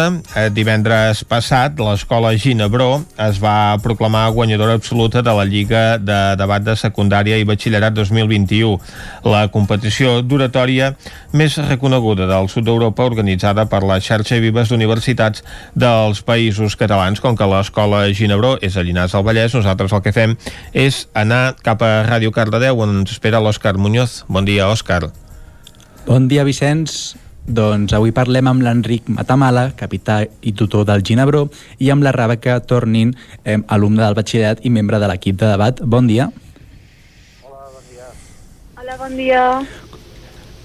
Eh, quants anys porteu en aquesta lliga de debat? Perquè no és el primer cop que la guanyeu, no? Mm, sí, vam, vam començar el 2016. La, la Lliga de Debat de la Vives per secundària i batxillerat, de fet, va començar el 2014, no? Nosaltres no ens en vam assabentar fins dos anys més tard, no? I la nostra primera participació va ser el 2016. I, i sí, vam, vam tenir la sort de- d'arribar a la fase final del 2018 i també la, també la vam guanyar. Sí. Mm. Uh, aquesta ha estat la primera edició en què la Lliga de Debat s'ha desenvolupat uh, de forma telepresencial. Què ha canviat respecte d'altres edicions? Clar, és un format absolutament diferent, no? De per, per molt la frescura, la frescor, perdó, de, de, no? de, del directe, no? De veure cara a cara l'equip rival, no? Uh -huh. eh? i, i clar, es va que tot acabi sent una miqueta més rígid, fins i tot ha canviat el format en els temps, han reduït els temps d'oratòria, si, si els tons fins ara havia, eren de, de 4 a 5 minuts, no? Han, han reduït els tons d'intervenció de cada ora- orador dos minuts, no? Han ampliat el nombre de membres per equip, que això sí que ens ha anat molt bé, perquè ha, obert la possibilitat que participessin més alumnes. Abans els equips eren de 5 i ara han permès que l'equip fos de 8 Uh -huh. no? Però bueno, déu-n'hi-do el bé que ha funcionat, eh? Estem molt, molt satisfets de com tècnicament i a nivell de, de comunicació de tot plegat ha anat, ha anat prou bé. Perquè expliqueu-nos com ha sigut el camí fins a arribar a la final, perquè tot això té un treball previ, no? Com es preparen els alumnes? Quan, quan veu començar? Ah, vols respondre tu, Rebeca? Eh, vale, sí, bueno, a veure, nosaltres vam començar, eh, tenim una assignatura, de fet, a classe que fem d'oratòria, i allà ja vam començar amb el tema que tractaríem a la Lliga. Llavors vam començar, de fet, fa molt temps, i la veritat ho vam estar preparant molt bé durant molt temps, i llavors eh, l'Enric ens va proposar a alguns alumnes participar en la Lliga de la xarxa Vives, i la veritat, allà ens van, quan ja vam passar a la fase local ja va ser un procés molt diferent perquè des de la Pompeu, que és la universitat a la que van representar, ens van donar eh, ens van ensenyar moltes coses, ens van ensenyar coses sobre oratòria i ja va ser molt més professional. Uh -huh. Perquè tu, Rebeca, ets uh, alumne de primer de batxillerat Sí, exacte. i has participat per primera vegada en aquesta competició. Sí, sí, no, jo ni sabia el que era i la veritat ha sigut un descobriment molt, molt enriquidor. Uh -huh. Com ho has viscut? Doncs la veritat ha sigut una experiència magnífica. Jo no m'ho esperava, n- n- bueno, ni sabia de l'existència d'aquesta mena de- d'events. Uh -huh. I la veritat ha sigut tot un descobriment. De fet, ja quan fèiem les... O sigui, ha sigut molt diferent que el que fèiem ja a classe i no m'ho esperava. Ha sigut un procés que ha sigut molt enriquidor i la veritat hem après moltes coses i jo la veritat és que ho tornaria a fer eh, mil cops. Uh -huh. Quin és el tema que es va seleccionar per debatre? Sí, el creixement global de l'economia és compatible amb el respecte mediambiental. Uh -huh. I vosaltres què defensàveu? Eh, bueno, nosaltres vam haver de, de defensar ambes, amb totes dues postures. Eh, a mi, personalment, em va tocar defensar-ho a favor, Mhm. però en el meu equip eh, tots vam haver de, de pensar totes dues postures, ja que vam anar debats no anàvem només amb una postura, sinó que es tractava de poder defensar les dues amb la mateixa força. Clar, el procés de preparació exigeix que, que, bueno, que com que et pot tocar tant debats a favor com en contra, que preparar amb la mateixa intensitat les dues posicions. Uh -huh. eh, perquè de fet es sortegen les posicions, eh? et pot tocar a favor o en contra. D'acord. I a vegades es sorteja fins i tot, eh, aquest any no ho han fet així, però, però quan fem la, la, la lliga de debat presencial, la, a la fase final, el, la, la, la final es sorteja la posició una hora abans de, de començar el debat. Mm. Hi ha poc marge per preparar-se-ho millor. Eh, heu dit que havíeu anat a la Pompeu Fabra. És la, la, la universitat que veu escollir vosaltres perquè podríeu escollir entre diferents universitats, no? Com sí, funciona correcte. aquest...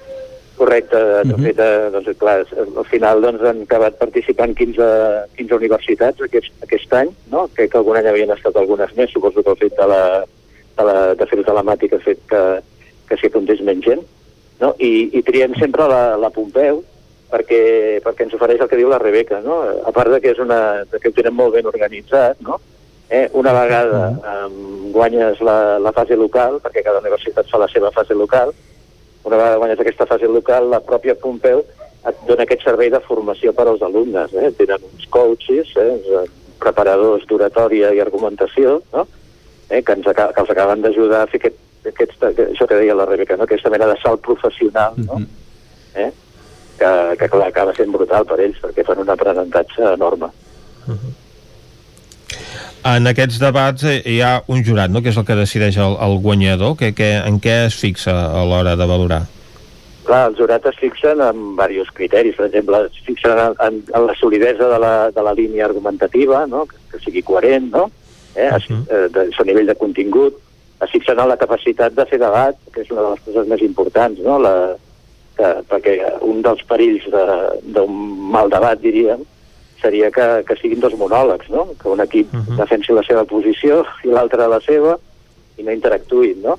es valora molt positivament que, que cada equip agafi les tesis de l'equip contrari i les rebati. Eh?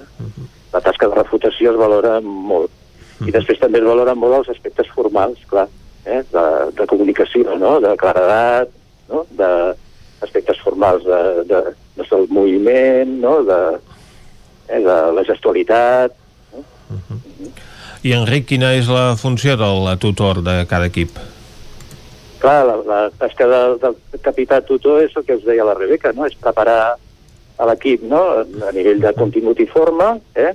i, i, bueno, i fer molta tasca de, de, de, de, de, de recerca d'informació també, no? ajudar-los a buscar bones fonts, no?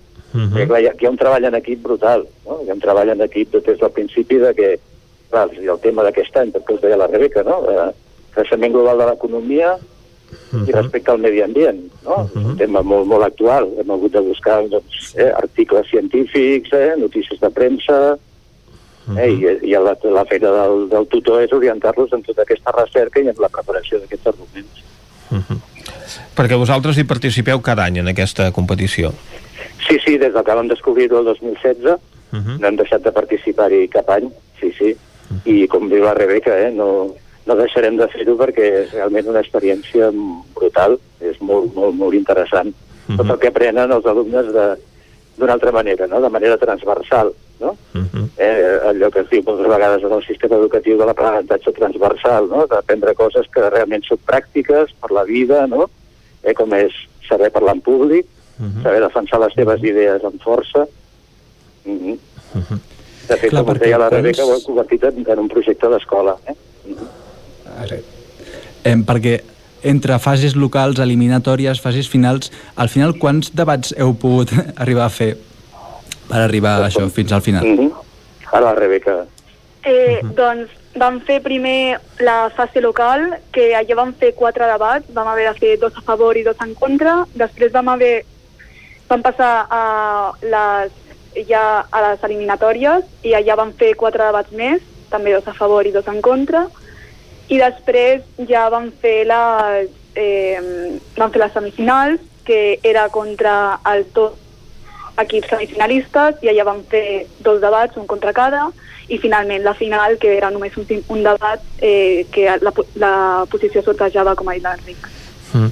Una final que eh, doncs, va tenir lloc divendres i que vau compartir amb l'IES Ramon Llull de València perquè eh, aquesta competició de debat doncs, abasta tots els països catalans. Sí, exacte. Correcte, sí, sí. De fet, el 2018, que, que va ser presencial, uh -huh. eh, vam, la gran final, diríem, la fase final es va fer a Elx, vam anar a la universitat Miguel Hernández d'Elx a, a competir. Uh -huh. Escolta, i què en fareu amb els eh, 1.500 euros de premi que donen doncs, al centre guanyador per destinar a material educatiu? Doncs veurem, sí, de, de, de, dedicarem a comprar material educatiu. El, on vam guanyar el premi el 2018, uh -huh. el vam invertir per comprar material d'oratòria. Vam comprar un faristol d'oratòria, vam comprar uns micros, eh? uh -huh. va, vam, i suposo que intentarem invertir en alguna cosa semblant, no? per seguir potenciant no? aquest projecte tan interessant. Uh -huh. Doncs Enric Matamala, eh, tutor d'aquest equip, i Rebeca Tornini, membre d'aquest equip de l'Institut de, de Llinars del Vallès, a l'Escola Ginebró, doncs, que ha resultat guanyadora d'aquest eh, concurs eh, d'oratòria. Enhorabona i moltes gràcies per acompanyar-nos. Moltes gràcies a vosaltres. Moltíssimes gràcies. Recordem que entre els 15 finalistes eh, d'aquest eh, concurs de debat de secundària, el més important del sud d'Europa, també hi van arribar la Salle Manlleu i l'Institut Baix Montseny de Sant Celoni. Ara nosaltres al Territori 17 el que farem és una petita pausa i tornem d'aquí un moment. Correcte, tornarem d'aquí un moment i ho farem, com sempre, amb les piulades de la mà de l'Isaac Moreno. Després taula redacció i literatura i serem fins a les 12. No marxeu. Fins ara.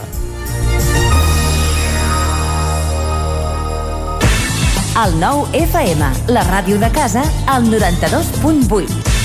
A Aquari Jordi hi trobaràs periquitos, canaris i tot tipus d'ocells, conills, hàmsters, ratolins, rates índies, peixos tropicals i molt més. Aquaris, tortugues, joguines i tots els complements i menjars per tot tipus d'animals. Vine a informar-te de totes les nostres ofertes. Aquari Jordi som al carrer Nou número 34 de Vic i també a Instagram. Per al Dia de la Mare, vine a la Cakery a buscar un dolç ram. Galetes decorades i cupcakes especials. Pastissos personalitzats, galetes, cookies, brownies i molt més.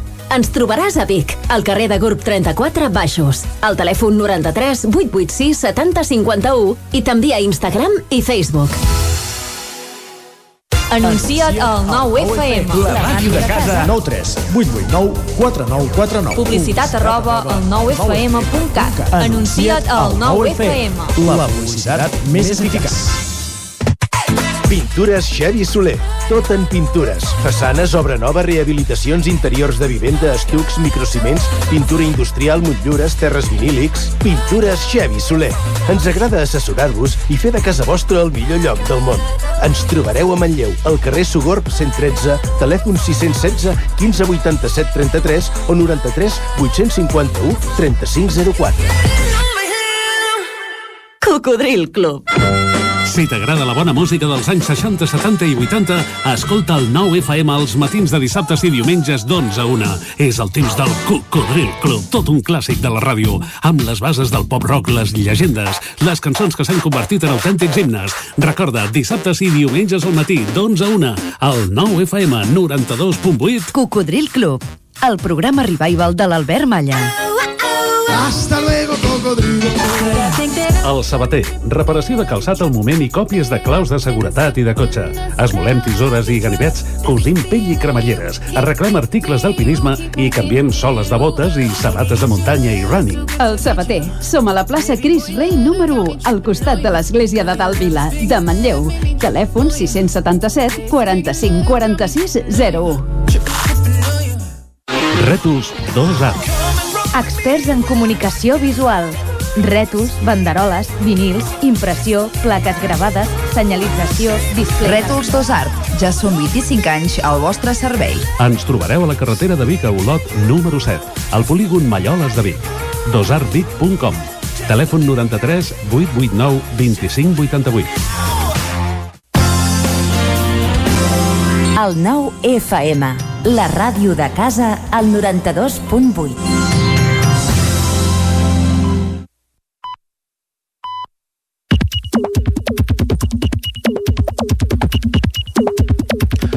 Són dos quarts onze ara mateix i des de fa uns minuts hi ha un tall a la carretera C-17 al quilòmetre 47 a l'alçada de Balanyà a conseqüència d'un vehicle que ha volcat i que impedeix el pas en sentit Vic, per tant la C-17 tallada en aquest punt, el quilòmetre 47 en eh, sentit nord. Es desconeix en aquests moments si hi ha ferits a conseqüència d'aquest accident, però sí que el vehicle barra el pas en els dos carrils i per tant la carretera està tallada ara mateix en aquest punt i ara nosaltres el que anem a fer com cada dia a aquesta hora és parlar amb l'Isaac Moreno, de què és el més destacat que hi ha a Twitter. Isaac.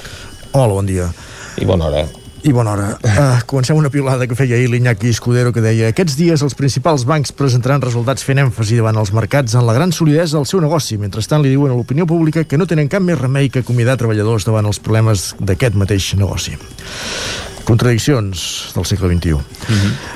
Joan Garcia diu Algú més escolta Maricel a l'anunci de ràdio de la vacunació? Podem dir que té l'orella aguda, aquest home, eh? Sí, senyor. Li respon la Gemma Permanyer, diu, i tant que l'és. I, clar, com que no és l'única, l'altre diu, no ho és, diu, encara ens queda tu i a mi, eh? Però entraré a la sala de vacunació amb un mocador al cap, alçant el puny i mirant a l'horitzó. Bàsicament explica que, no, que consumeix més ràdio que tele i que no ha vist l'anunci de tele, eh, allà és més evident. Segur que l'Albert Guinovart també ho ha interpretat així.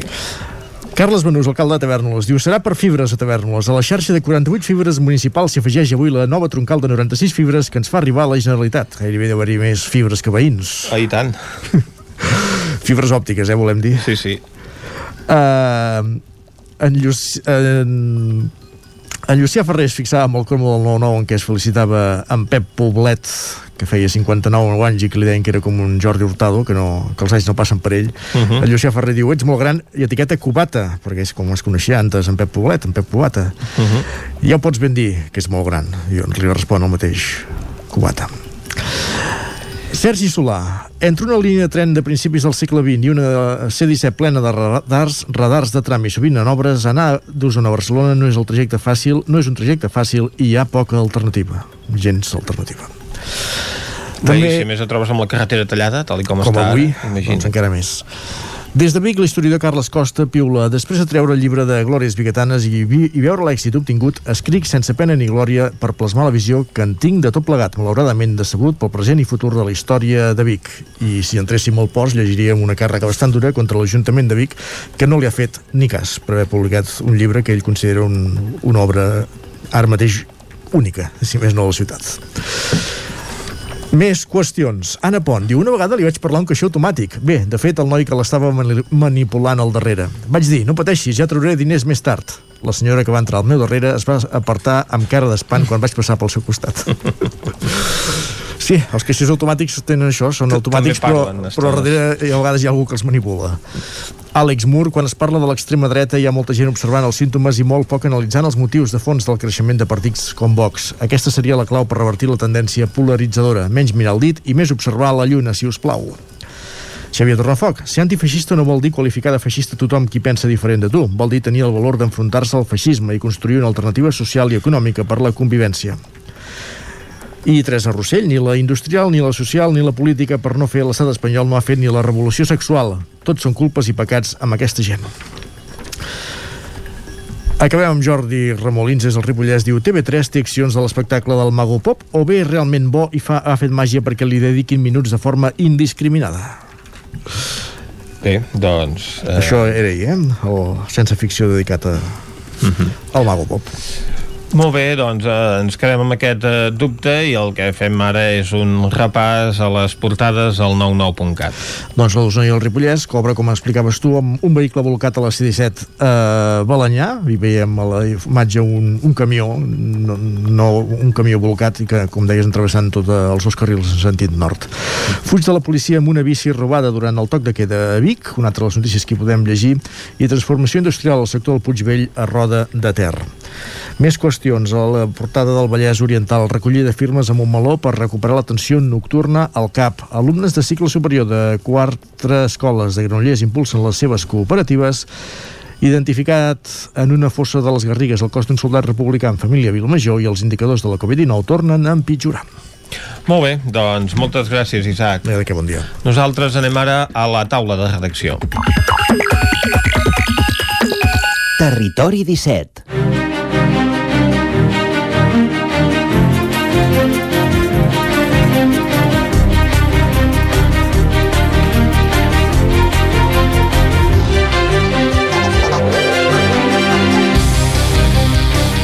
I avui la taula de redacció ens acompanyaran la Clàudia Dinarès i en Guillem Freixa.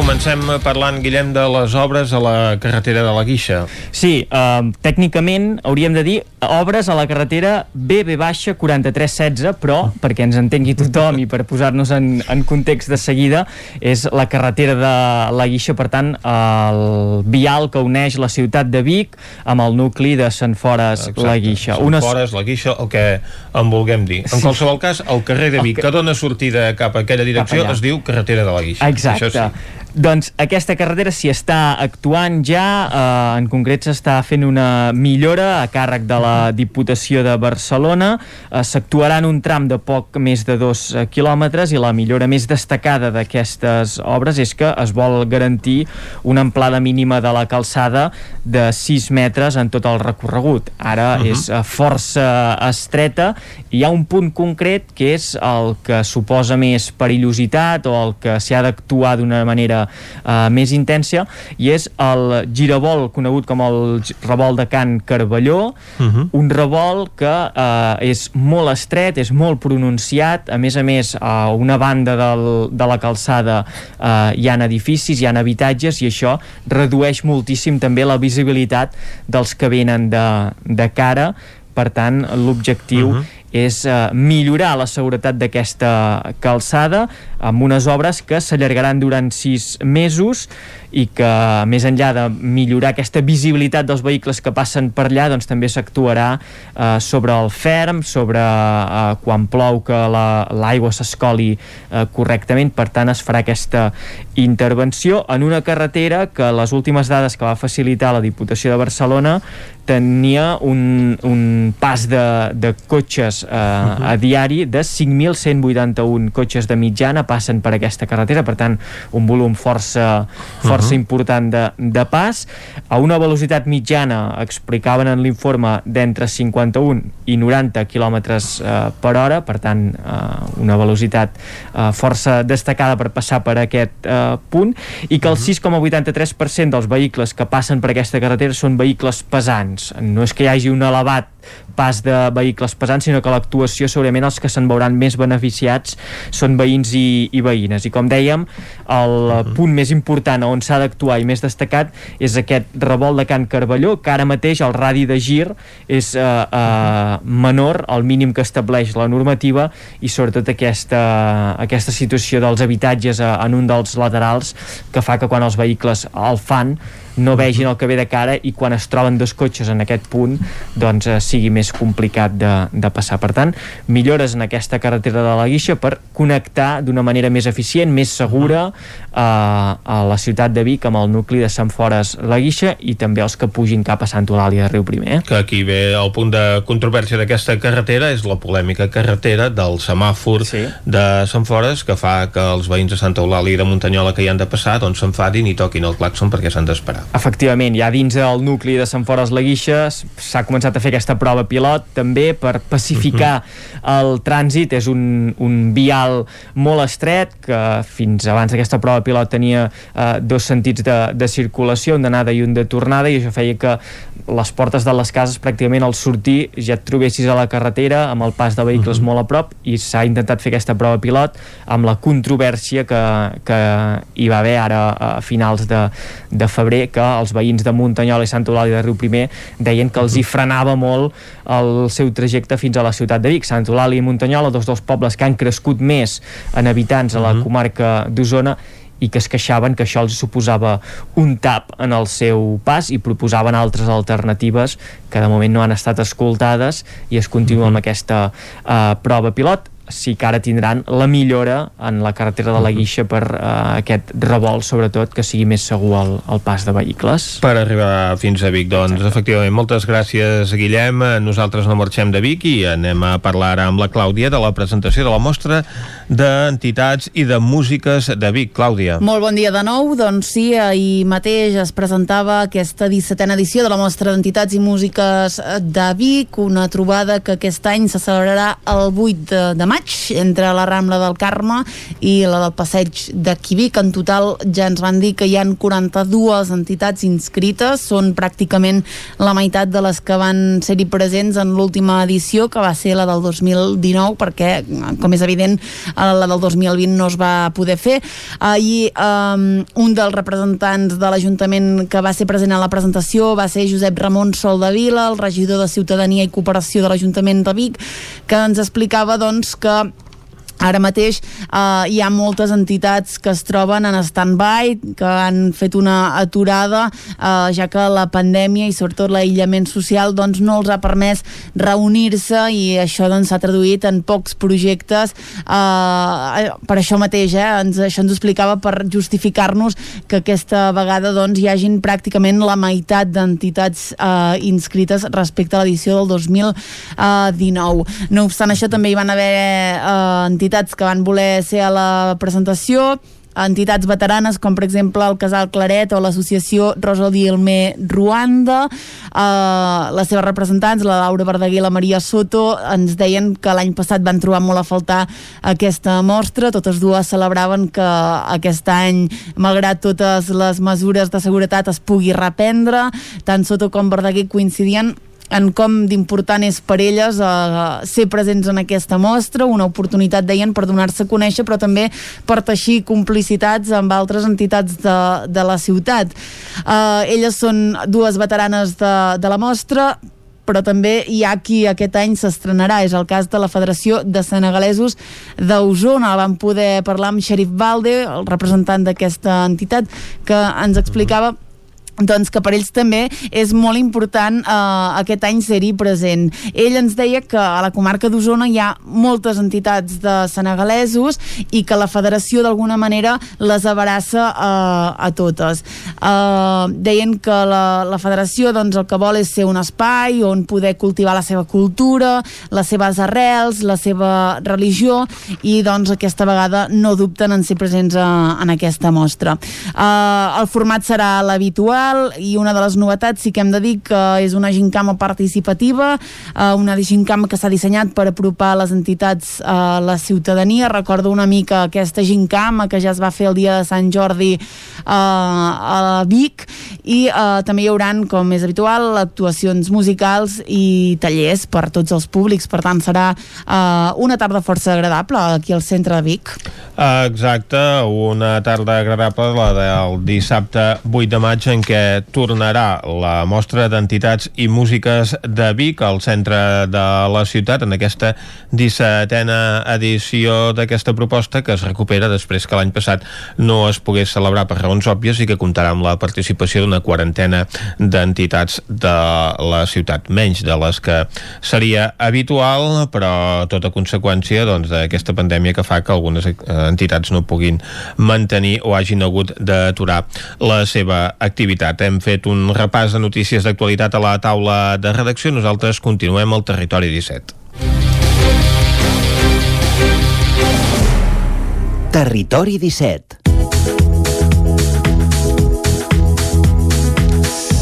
I quan falta un minutet per tres quarts d'onze del matí, Vicenç, ara avui no anirem en lletra ferits i anirem d'aquí una estona, això sí, i anirem d'aquí mitjoreta. El que anirem és al territori sostenible amb en Jordi Givert, que avui no endevinaries mai on ha anat, eh? Doncs no en tinc ni la més remota idea. Bé, jo eh, t'ho explico perquè m'ha explicat ell, eh?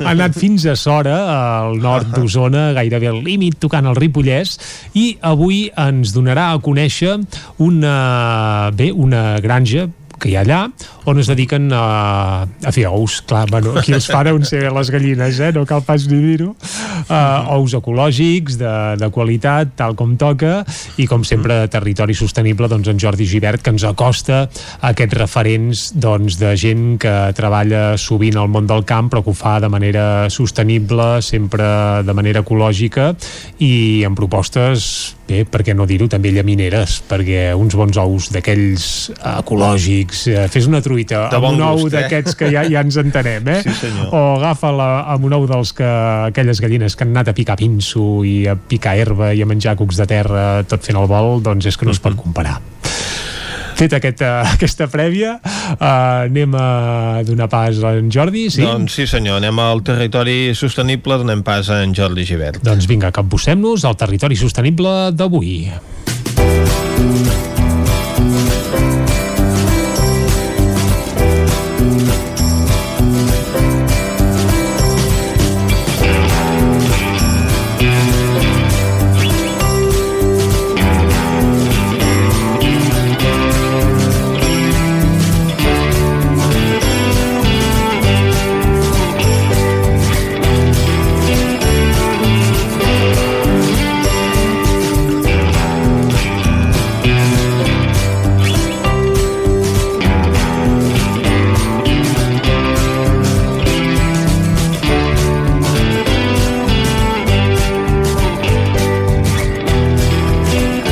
Al Territori Sostenible ens acostem fins a Sora. Volem parlar amb en Raimon, que ha iniciat un projecte de cria d'ous ecològics. Uh, amb ell parlarem d'aquest projecte que ha encetat justament quan va esclatar la pandèmia. Ja el tenim aquí uh, amb nosaltres. Hola, Raimon. Hola, bon dia. Uh, Moltes gràcies per convidar-me. de res. Uh, Raimon, ara feia una, una petita introducció. Uh, M'explicaves això, que, que vas començar aquest projecte fa vora un any, no? Sí, exacte, sí, vaig començar el 23 de març del 20. Uh -huh. Sí, just uh, uns 15 dies després de que es va declarar l'estat d'alarma i, i, i bueno, la situació de pandèmia a nivell mundial. Com, com decideixes enfrescar-te uh, en, aquest, en aquest projecte? Què et porta fin, fins aquí? Bueno, a mi sempre... Jo, veure, jo de formació sóc enginyer industrial, el que passa és que, bueno, a mi sempre m'havia agradat tot el món de, de l'agricultura i la ramaderia, sobretot el tema dels animals, i doncs bé, doncs fa ja uns quants anys doncs estava treballant com a enginyer i, eh, bueno, per circumstàncies de la crisi i així, em vaig quedar a l'atur i llavors vaig decidir doncs, de fer una mica d'un canvi d'orientació professional. I vaig començar a estudiar un màster en agricultura ecològica per tenir uns coneixements una mica de, bueno, bàsicament de tot el tema agrícola i ramader i, uh, i bueno, llavors vaig decidir de fer un canvi com, com comentava no? i, de, i, i dedicar-me al que sempre havia tingut en ment però que mai diguéssim m'havia atrevit mm -hmm. perquè jo no vinc de, de jo no tinc tradició pagesa, ni ramadera, ni res a la família, amb la qual doncs, eh, va, ser, va ser una mica així, fa ja bastants anys. I llavors arribes a, a Sora l'any passat, no, era, no, no ets d'aquesta localitat, tu? No, jo sóc, jo sóc nascut a Barcelona, eh, i he viscut bastants anys a, a Collbató, que és un, un poble que hi ha al costat de, bueno, a prop de Barcelona, a la, a la muntanya Montserrat, que llavors eh, bueno, jo vaig, eh, jo anava buscant, bueno, vaig estar buscant terrenys, etc em vaig aconseguir uns, però em van donar els permisos i tal, i bueno, després contactant amb productors eh, ecològics ja doncs, que en un moment donat doncs, poguessin tenir interès en vendre's l'explotació o traspassar-la o així, vaig conèixer doncs, l'antic propietari, eh, l'antic titular i propietari de l'explotació de, de les tufaroques, que es diu Pere Oms, uh -huh. que ella doncs, eh, s'ho volia estava pensant en traspassar-s'ho i bueno, inicialment buscar un soci per, per acabar traspassant-ho i, uh, i doncs bé, doncs, uh, em vaig posar en contacte amb ell, bueno, vam estar-ho parlant i tot plegat i, i, i tota la, diguéssim, la negociació va començar aproximadament al setembre del 19, setembre-octubre del 19, i llavors vam començar tot el tràmit de canvi de papers i així, i es va fer... I, bueno, des del Departament d'Agricultura em van donar l'ok, diguéssim, ja que ja estava fet el canvi de titularitat, em sembla que era el dia 19 de març o una cosa així, i, i bueno, llavors jo ja vaig agafar-ho el dia 23. Clar, hem vist que, parlant amb altres eh, productors locals, que amb la pandèmia la gent ha tornat a, al producte de proximitat, al producte ecològic. Clar, tu això t'enganxa a, a, tot començar. No sé si, si has vist que hi ha hagut aquest uh, augment de clients uh, o, o de gent que, que s'ha interessat més pels ous que, que feu vosaltres. Sí, la veritat és que durant la pandèmia la, la demanda d'ou ecològic, o almenys en el meu cas, va ser una cosa estratosfèrica. Clar, jo partia en aquells moments de zero, i, però bé, jo tenia la referència de, del que li demanaven els clients a, a l'antic uh -huh. titular. I, I realment era una demanda estratosfèrica, vull dir, les passaves bastant canutes per poder abastir a, a tots els clients, però, però sí, sí, llavors sí que és veritat per això que després el mercat ha fluctuat bastant uh -huh. i un cop ja es van relaxar una mica les mides, quan s'han tornat a endurir. Generalment quan es tornen a endurir, eh, a veure, jo per exemple venc a Barcelona capital sí. i, i aquí a Osona. Llavors, quan s'endureixen les mides, a Barcelona en puja la demanda i, a, i aquí a Osona en baixa. És, bueno, suposo que perquè la gent de Barcelona no pot sortir i, mm. i, bueno, i consum, bueno, es queden més a casa, fan, cuinen més a casa, fan més pastissos, el que sigui, i, i en el cas de, de, la, de la gent d'Osona, doncs com que no poden fer mercats, sí que poden fer mercats, però vull dir, no hi puja gent de, de la capital, diguéssim, de Barcelona, uh mhm. -huh. doncs suposo que venen menys. Però sí, sí que hi ha un interès creixent amb tot el tema de, de producte de proximitat i producte, producte ecològic, sí. Que ja li dic que la, la demanda fluctua bastant, però sí, en general es veu una tendència a l'alça, sobretot interès, també. Uh, Uh, parlant ja de, de, del producte i, de, i dels animals, les gallines, què, què necessita tenir una, una granja per, per fer ous ecològics? Com, com han de viure aquests, aquestes gallines? Doncs bé, les gallines han de viure en condicions que es diu de semillibertat. Què vol dir de semillibertat? Doncs que han de viure en un galliner i han de poder accedir a uns patis. La normativa ecològica diu que eh, poden haver-hi sis gallines per metre quadrat dintre del galliner i, de, i s'han de, donar, de donar 4 metres quadrats per animal en els patis. Uh -huh. Llavors, això és la primera condició i se li diu de semi-llibertat perquè en el cas, eh, en el cas ecològic, diguéssim, el, la gallina i el pollastre i l'aviram Mhm. És l'únic animal que està permès eh, tancar els animals. Tancar-los durant la nit, pel tema dels Val. depredadors i també en el cas de les gallines perquè ponguin els ous en els nius, perquè si no posarien els, nous, els ous per tots els patis. En els altres animals ecològics, a nivell de ramaderia, em consta de que han de poder accedir als patis a les 3 de la matinada, si volen. I això, doncs, hi ha diferent, els diferents productors, companys meus, diguéssim, hi ha gent que els hi deixa les portes obertes als patis tota la nit i hi ha gent que, que les tanca, vull dir, això és... Mhm. I, Ja depèn de i cadascú. llavors, sí, exacte. No sé si amb això contesto la teva pregunta Sí, o... uh, bueno, suposo que també et anava uh, a preguntar sobre què mengen, suposo que també està condicionat. Sí, sí, sí, vale, vale. Evidentment, sí, sí, sí, el tema de l'alimentació és el, el fonamental. Uh, bàsicament, el pinso que mengen és el mateix, però és ecològic. Uh -huh. És a dir, la composició del pinso a nivell de nutrients, de cereals, de, de llegums, de minerals, etc, és la mateixa, bàsicament basada en blat de moro i altres cereals, i a nivell de proteïna, so- soja, eh, pèsol, alfals, bà- bàsicament és el mateix que en convencional, és a dir, en no ecològic, el que passa és que en mm, tots els productes, és a dir, tots els cereals, tots els llegums, han de, de provindre d'agricultura ecològica, és a dir, que no s'hagin tractat ni amb pesticides, ni amb herbicides, ni amb adobs químics, etc. I, a part d'això, també no poden dur segons quins additius eh, químics de síntesi que sí que s'afegeixen en els pinsos. D'acord? Com, per exemple, el pinso convencional de gallina ponedora porta proteïna sintetitzada, també porta un producte químic que es diu tantaxantina, que serveix per colorar de color taronja el rovell dels ous. Tot això en ecològic està prohibit. Per això generalment, generalment, perquè això també pot, pot variar en funció de, de les herbes que mengin i de lo que si li pots donar algun suplement alimentari a la gallina, el color dels rovells dels ous ecològics acostuma a ser més, eh, més groguenc que el, que el de, que el, que el, que l'al- que l'altre, diguéssim, que, el- Que que el de gàbia, l'industrial. cap de terra o el camper. I uh, anava a preguntar, tu quan, quantes gallines tens, tenint en compte aquestes uh, condicions d'espai que, que has de tenir? Uh, Sí. quan, quantes gallines pots tenir a la, a la teva finca? Jo, jo a l'explotació puc arribar a tenir fins a 1.174 gallines i en aquests moments en tinc unes 1.100 aproximadament. Perquè jo tinc lots multiedat, és a dir, que tinc quatre galliners, d'acord?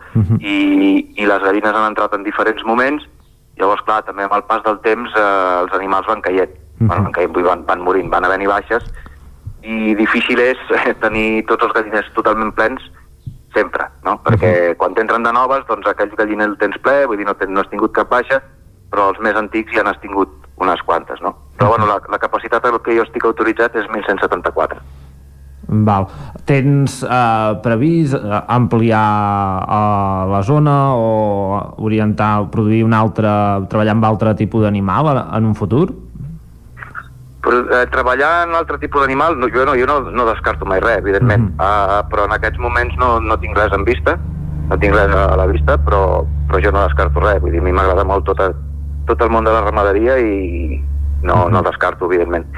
I de cara a ampliar aquí, doncs, eh, home, m'agradaria, sí, perquè podria arribar a ampliar, en teoria, fins a 1.800 o una cosa així, i, i bueno, eh, ja es veurà, perquè ara em sembla que més hi ha una moratòria al Departament d'Agricultura que no es poden ampliar les, les explotacions. No sé, això, això s'haurà de veure, però, però sí, sí, sempre que pugui miraré d'ampliar. Doncs... Una mica més d'espai encara del que estic fent servir Mhm. i, i si puc sí que ampliaré.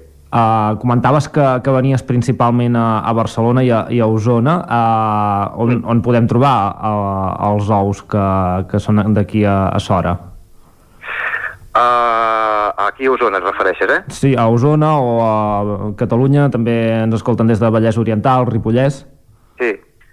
Doncs, eh, doncs mira, podeu trobar, bueno, se'n poden trobar a, a la botiga de fruites i verdures d'Arrel, a, a Castagurb. Després eh, també Mengem Osona, a, a Vic. Eh, a la botiga de, que pertany al grup de bioconsum, que és Iris la botiga Bio, també a Vic. Uh, què més? Aquí una petita botigueta que es diu l'Empar, aquí a Montesquieu, després una, una botiga que es diu Calcalla, a Manlleu, a la Selecta, també a Manlleu, eh, a la, una botiga que es diu Gram, a Torelló, a la plaça Nova de Torelló, I de cara a Barcelona, eh, sobretot a les botigues Molsa. Les botigues Molsa, que formen part del grup Bioconsum, que són unes botigues, diguéssim, que venen tot de diferents productes ecològics. Eh, és com un petit supermercat de productes ecològics, però una cosa molt més propera, més reduït, més proper.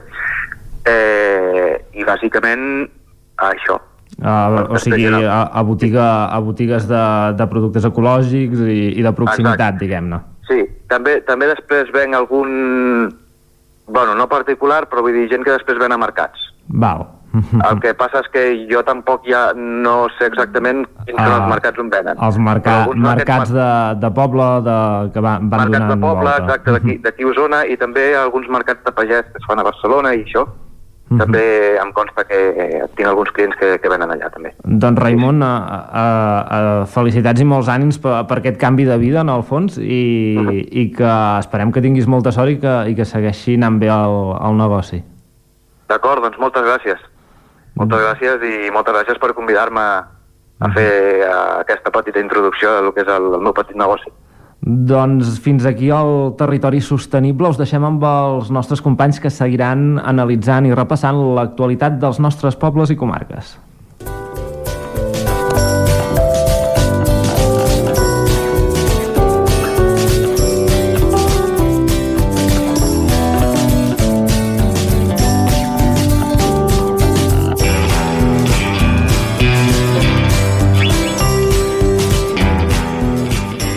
Territori 17.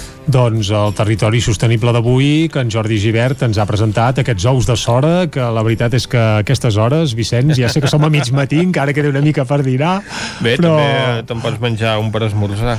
Ah, També, també. Home, no són gaire d'ous ferrats, eh, per esmorzar. O però... bullits. No, bé, bullits, no? Si i trencats i el que sigui. Hi ha gent que se'ls... Bueno, anava a dir que se'ls fot a Sant Hilari, allò fent-hi un foradet i... Però vaja, no, no, seria, no seria el nostre cas, eh? Uh, però bé, fet aquest apunt gastronòmic, avui al Territori Sostenible amb el Jordi Givert, doncs avisem que res, d'aquí un minut torna la informació aquí a Territori 17 i després a partir de les 11 encara ens queda molta feina. Passarem per la lletra Ferits, avui des de Ràdio Cardedeu, descobrirem els encants de Fogars de Montclús, avui el Descobrim Catalunya, passarem per la R3 també, i acabarem, com tots els dimecres, fent un repàs a l'agenda cultural per aquest proper cap de setmana, finalment un cap de setmana ja marcat per, perquè no hi ha confinament comarcal. Per tant, Exacte. tot el que diguem Uh, no hi ha excuses per no treure-hi el cap perquè s'hi val moure'ns per tot el territori 17 amb total uh, llibertat de moviments Sí, i senyor. això sí, amb les precaucions que facin falta però amb tota llibertat de moviments fet aquest apunt uh, anem ara a cantar l'arribada de les 11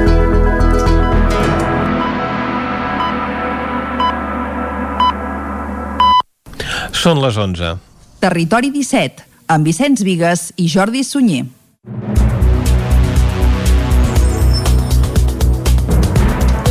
I a les 11 en punt torna la informació de les nostres comarques, les comarques del Ripollès, Osona, el Moianès i el Vallès Oriental.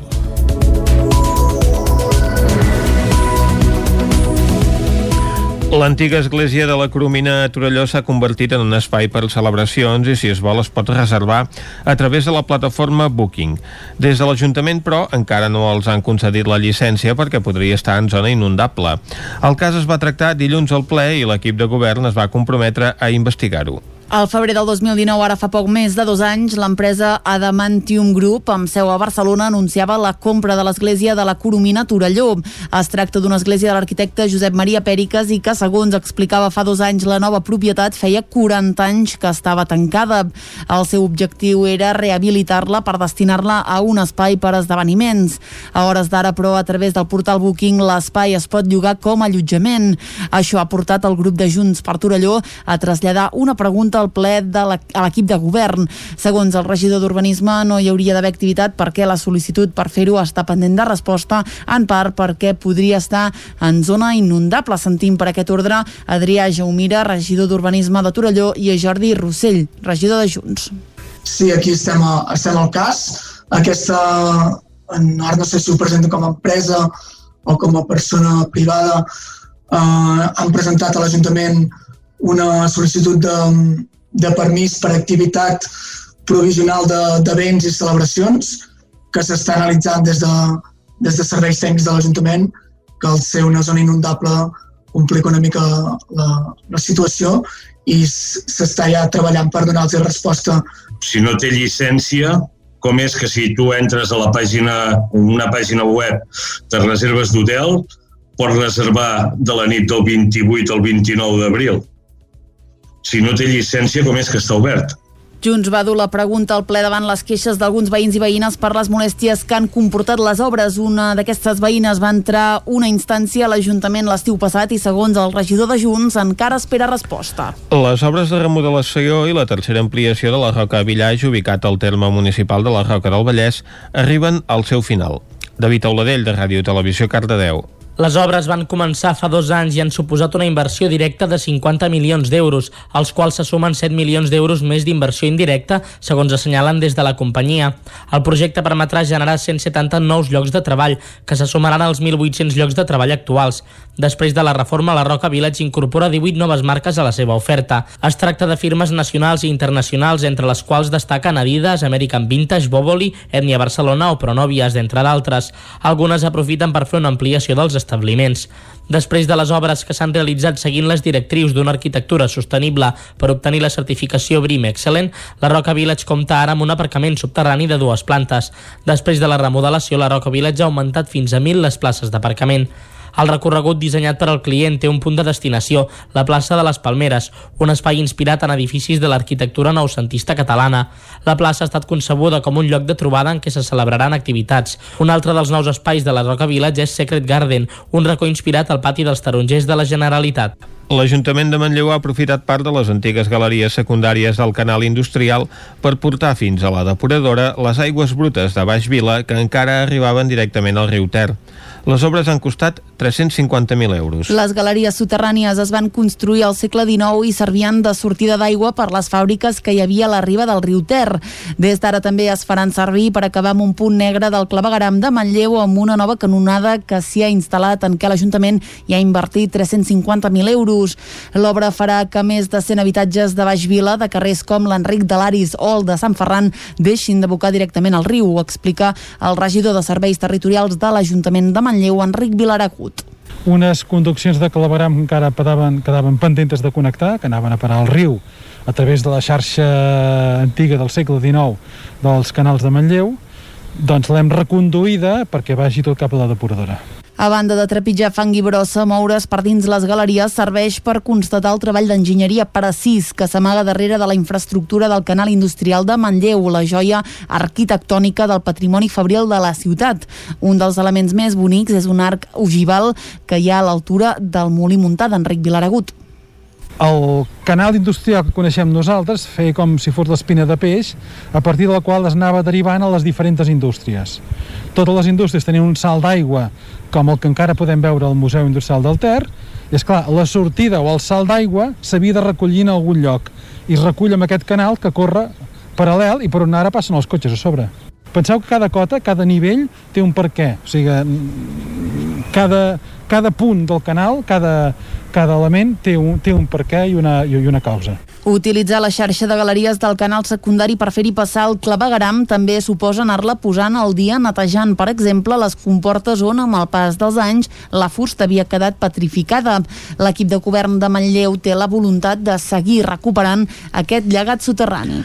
Els propietaris del Mas Lleopard de Vilallaons, a Sant Julià de Vilatorta, han plantat 11.000 ceps amb l'objectiu de treure els primers vins d'aquí a 3 anys. El projecte que tot just es troba a la fase inicial ja té nom i compte propi a Instagram. Es diu Vinya Lleons. Tot va començar fa dos anys quan els propietaris de la històrica masia de Lleopard a Vilallaons van decidir plantar 11.000 ceps amb 5 varietats diferents de vinya. L'objectiu és elaborar els seus propis vins i, si res no es torça, confien en treure les primeres ampolles al mercat d'aquí 3 anys. La iniciativa la lideren els germans Oriol i Núria de Soto Salvans. Va ser l'Oriol, precisament, qui va tenir la idea inicial després de localitzar uns documents antics que certificaven que el lleopard s'hi havia elaborat vi fins a finals del segle XIX, abans que la plaga de la filoxera n'esborrés el rastre aquí i a bona part d'Europa. Els dos germans també van veure en aquesta idea bucòlica una oportunitat per revifar la finca i trencar amb la monotonia dels cultius habituals de la plana. En engrescats amb la proposta, de seguida van contactar amb l'anòleg Jordi Campreciós de Tiana i aquesta tardor ja esperen recollir el primer raïm i fer les primeres proves de vinificacions. Amb el celler a ple rendiment calculen que la vinya podrà tenir capacitat per produir prop de 20.000 ampolles anuals. En qualsevol cas, però la comercialització del vinya Lleons no arrencarà abans del 2024.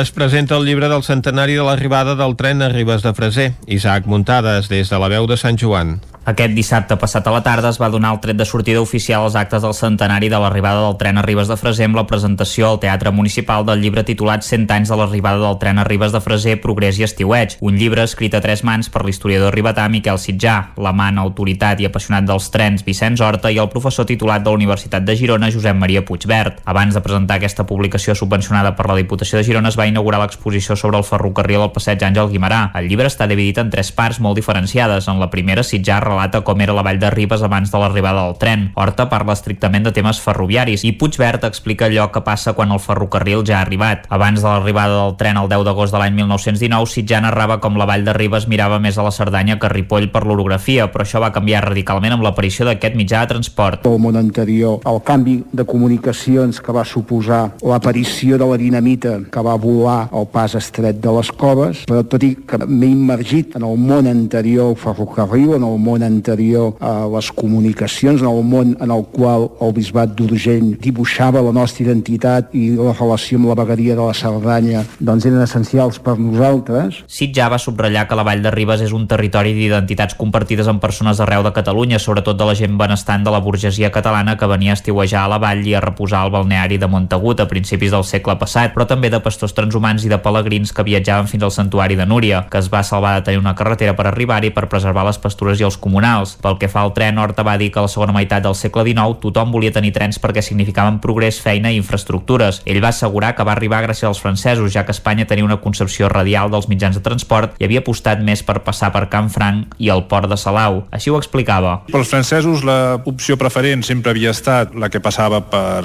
Esterri d'Àneu, Sant Girons, el port de Salau, perquè d'aquí baixava cap a Cartagena i d'aquí en barco arribaven molt, en molt poca estona a la capital d'Argèlia Oran, com sabeu, era una colònia. I això va ser així pràcticament fins al final del segle XIX i de sobte va haver-hi un canvi, segurament aquí raons geopolítiques, de costos també, el fet de que el tren arribés ja a Ripoll va ajudar moltíssim, el creixement industrial de, de tot el Ter, amb les colònies textils, farques, etc, van ajudar a prendre aquesta decisió, doncs segurament era una línia molt més rentable que fer-la a través de eh, el Noguera Pallaresa. No? I és un dels motius que segurament, de ben segur, quan es va fer la inauguració a l'Hotel Montagut el dia 10 d'agost, esmento un al llibre, pues, van venir autoritats franceses i a part de sonar l'himne espanyol, va sonar també la marsellesa. No? Aquesta línia té l'únic túnel helicoidal d'Espanya, és la més alta de la península ibèrica a 1.500 metres d'altitud i té el pendent més fort. Horta va dir que fenòmens com l'esquí o el muntanyisme no s'entendrien sense el tren. Per la seva part, Puigverd va parlar de l'estiueig i de les primeres promocions turístiques de la vall, com l'estant que va organitzar l'Ajuntament l'any 1935 a Montjuïc, Barcelona, amb 13 fotografies esplèndides de l'indret inspirades en Suïssa i fetes per un fotògraf austríac. Després de l'arribada del tren es va inaugurar el passeig Àngel Guimarà, diverses fonts ornamentals, hotels i fondes. A l'acte també van participar-hi el vicepresident de la Diputació de Girona, Albert Pinyeira, l'alcaldessa de Ribes de Freser, Mònica Sant Jaume, i el director de l'Institut Català de Recerca en Patrimoni Cultural i exconseller del PSC, Joaquim Nadal. I abans dels esports, un apunt de trànsit perquè continua havent-hi retencions a la C-17 arran d'un camió que ha volcat al quilòmetre 47 en terme municipal de Balanyà ara fa una hora. Des de fa uns minuts eh, s'ha pogut obrir un carril a la circulació. Aquest accident afecta en direcció a Vic i ara mateix doncs, es pot eh, circular però amb retencions d'entre 2 i 3 quilòmetres. Esports. Tot a punt per la celebració de la primera edició de l'Oncodines Trail. La prova esportiva solidària ha fet una prova pilota aquest cap de setmana per comprovar la viabilitat sanitària i logística de la cursa. Caral Campàs, des d'Ona Codinenca. Després d'un llarg període durant el que semblava que la prova no es faria mai, l'organització de la cursa solidària ha decidit tirar endavant amb la competició. Durant aquest cap de setmana es va realitzar una prova pilot per comprovar el bon funcionament de tots els protocols sanitaris. Sentim Lluís Vilalta, de l'organització. L'Oncodines s'ha preparat a consciència per la situació. Les sortides s'han organitzat de forma esglaonada per evitar el contacte entre grups. També s'ha insistit als corredors sobre l'ús de la mascareta i la, i la neteja de les mans. La celebració de la cursa estava prevista està prevista perdó, pel dia 29 de maig. Aquesta és la data que s'ha decidit després de tres anul·lacions. En un principi la prova estava preparada pel dia 21 de març i la Covid la va obligar a posposar primer al novembre i després al març de 2021. Malgrat els impediments, els participants han quedat molt satisfets del recorregut. 113 equips inscrits han aconseguit recollir prop de 84.000 euros que aniran destinats a la lluita contra el càncer. I fins aquí el butlletí informatiu que us hem ofert amb Vicenç Vigues, Clàudia Dinarès, David Auladell, Caral Campàs i Isaac Muntades. I abans d'anar cap al Lletra Ferits, el temps.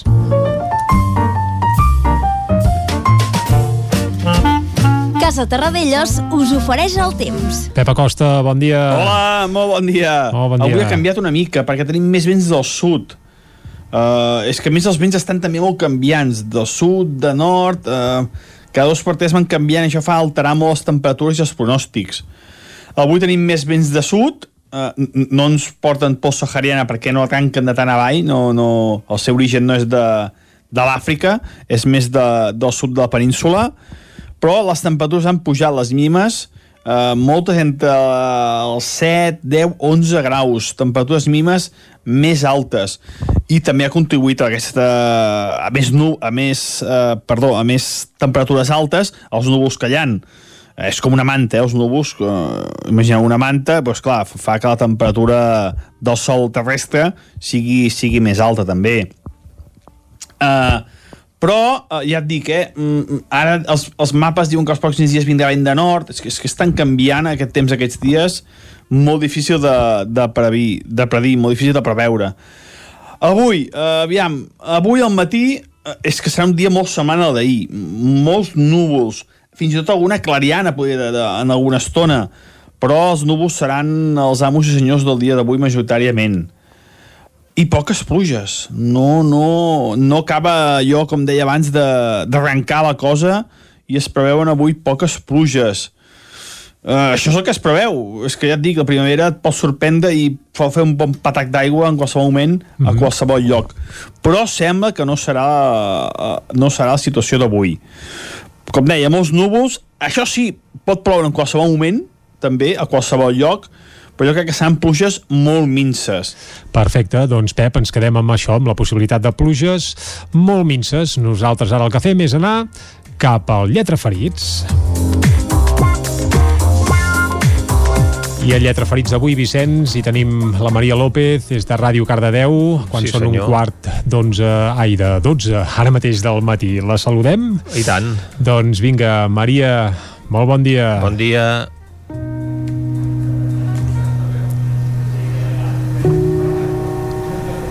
Carai, tu, quina musiqueta més sí, tranquil·la. la Maria ens, ens situa, eh? ens posa en situació. Osman Omar va néixer a Ghana i amb només 9 anys ja treballava lluny de casa a la ciutat per poder sobreviure.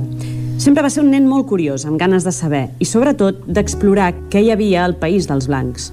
La seva és una història de supervivència literal, una aventura que comença a Ghana quan ell tenia només 12 anys i que acaba 5 anys més tard a Barcelona una aventura que explica amb pèls i senyals al seu llibre Viatge al País dels Blancs, del que parlarà aquest dissabte a Lliçà de Vall dins les propostes del maig cultural del municipi. Amb ell vàrem tenir l'oportunitat de compartir una estona durant la qual ens va explicar part de la seva difícil història. Us deixem amb un petit tas d'aquesta conversa i recordeu que si en voleu saber més, aquest dissabte a les 7 de la tarda als Jardins de Can Coll de Lliçà de Vall, l'Ousman Omar us parlarà en persona d'aquest difícil viatge al País dels Blancs.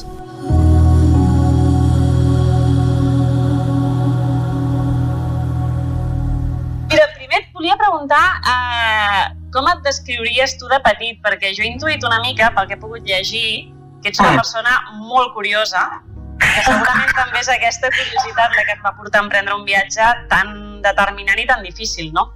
Sí, si em fas aquesta pregunta, vols que contesti amb sinceritat, en plan d'amistat, d'amigos, tal... Mira, jo quan era petit el que me recordo quan em deien era que no callava. em deien que no callava i em feien la broma que jo seria un abogat.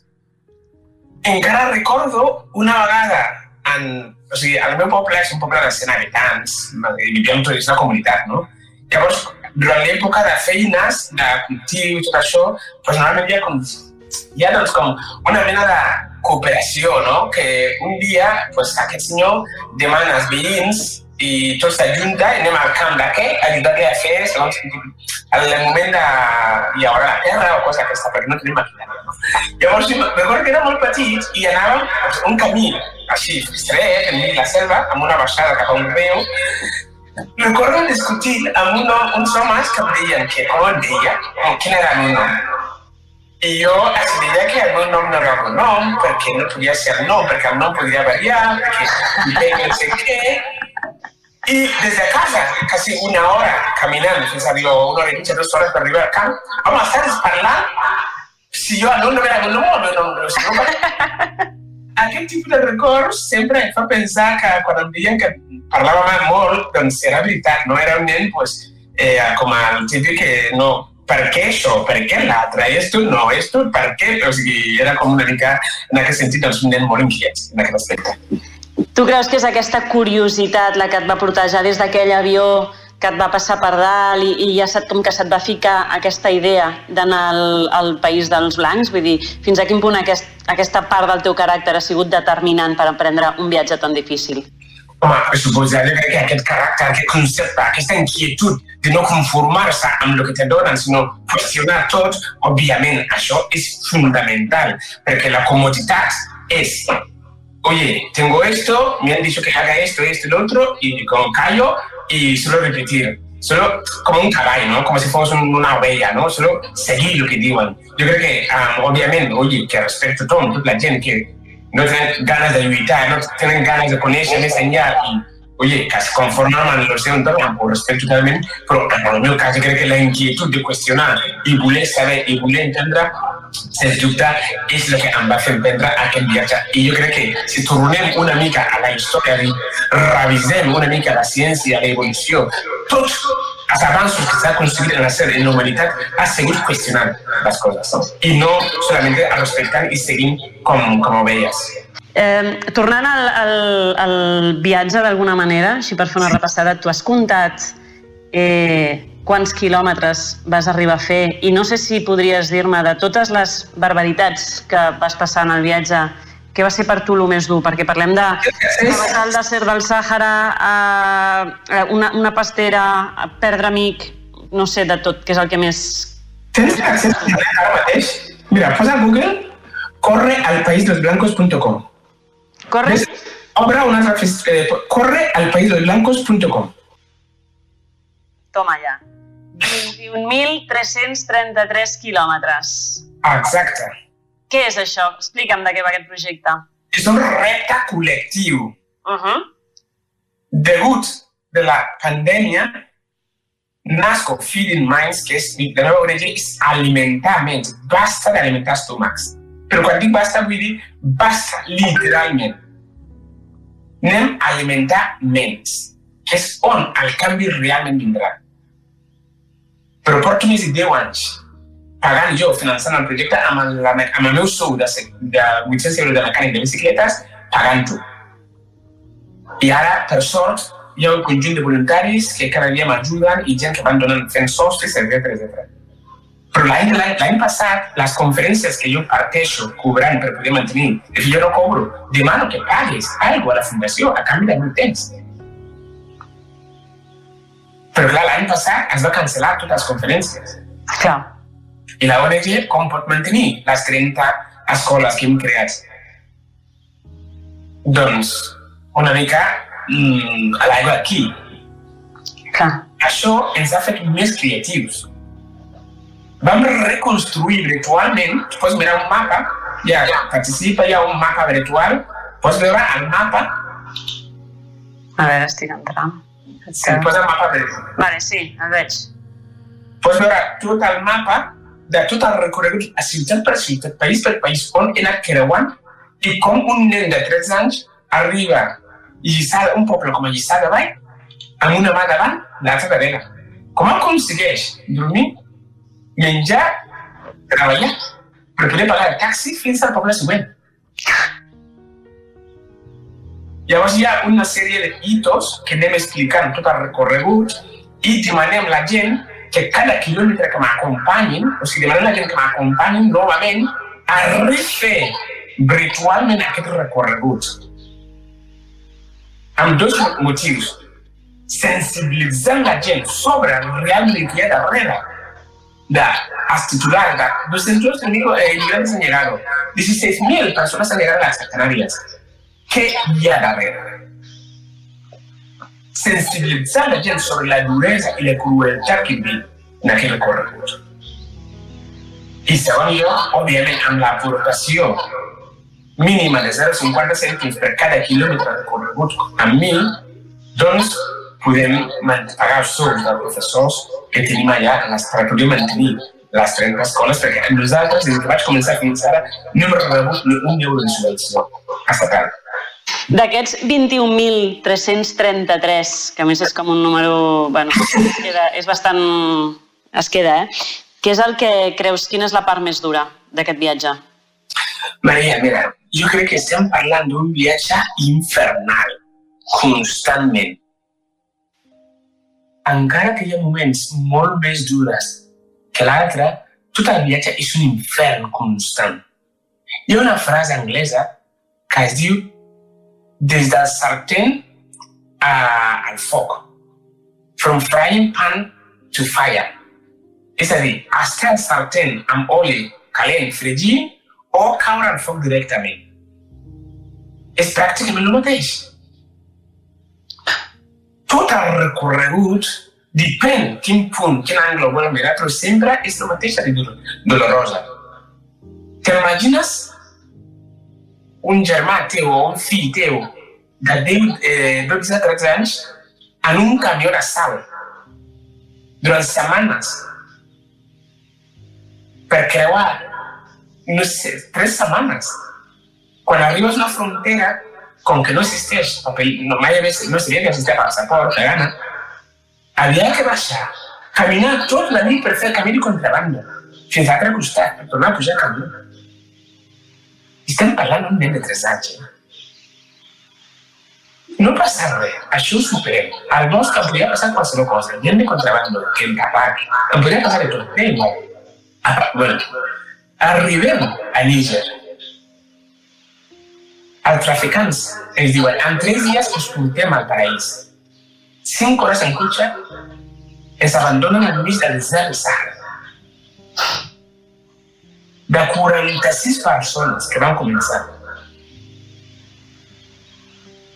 Tres setmanes més tard, només sis vam arribar a Líbia amb vida sense comptar amb els cadàvers que anaven trobant el recorregut. Això no compta. Qui era capaç de pixar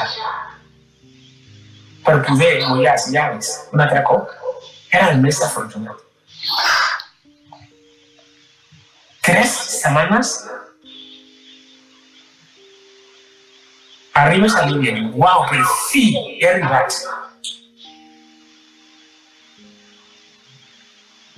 Gobernava Muammar al-Gaddafi.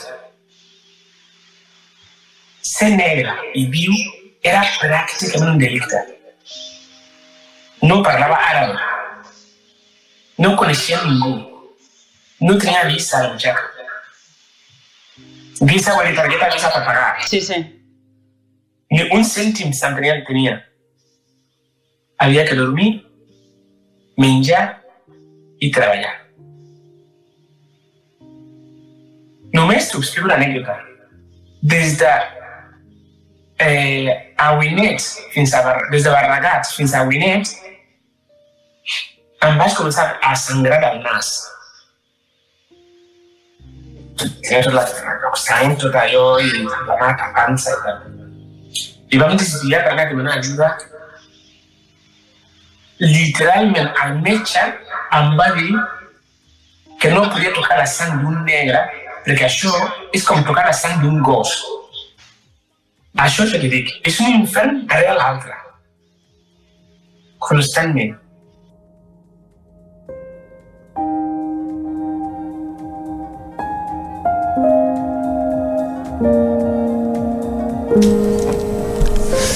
Doncs déu nhi el testimoni que ens ha costat avui la Maria.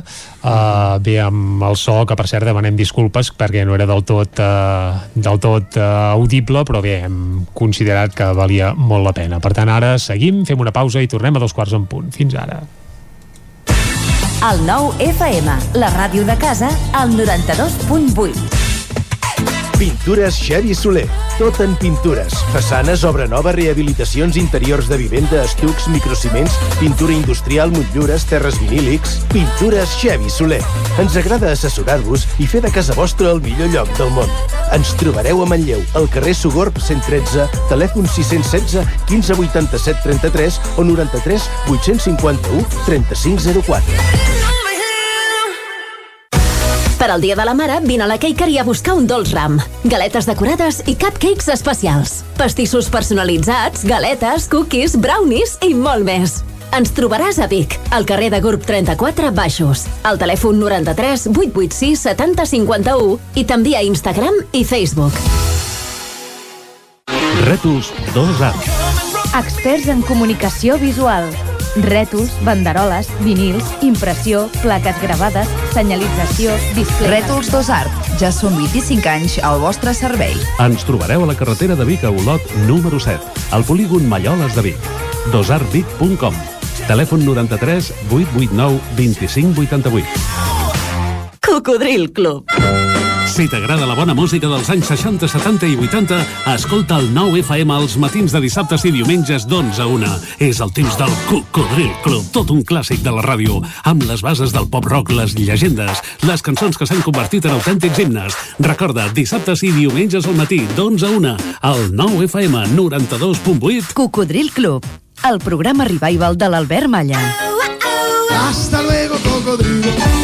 A Corretja tenim tot el que necessites per la teva llar. Tot tipus de paviments i revestiments, sistemes d'aïllament, cobertes, parquets, aixetes, ferreteria, pintures, fixació i cargoleria, vestuari i material de seguretat. Disposem de més de 3.500 metres quadrats d'exposició amb una nova zona exterior d'aïllaments. A Corretja som especialistes en cuines i banys. Us assessorem, dissenyem i realitzem el projecte des de l'inici fins a la fi del muntatge. 100% cuines, 100% banys. Al carrer Mas Vigues 8 de Vic, a corretja-sl.com o a Instagram. 100% materials per la construcció i la decoració. 100% corretja. Hi ha sensacions que són úniques. Aquell bany relaxant, mirar per la finestra quan plou i com les calderes Bailand, que li ofereixen fins a 15 anys de cobertura total amb el servei tècnic oficial Bailand. Informis a Oficiat Nord trucant al 93 886 0040. Amb el servei tècnic oficial de Bailand, la seva caldera estarà en les millors mans. El 9 FM, la ràdio de casa, al 92.8.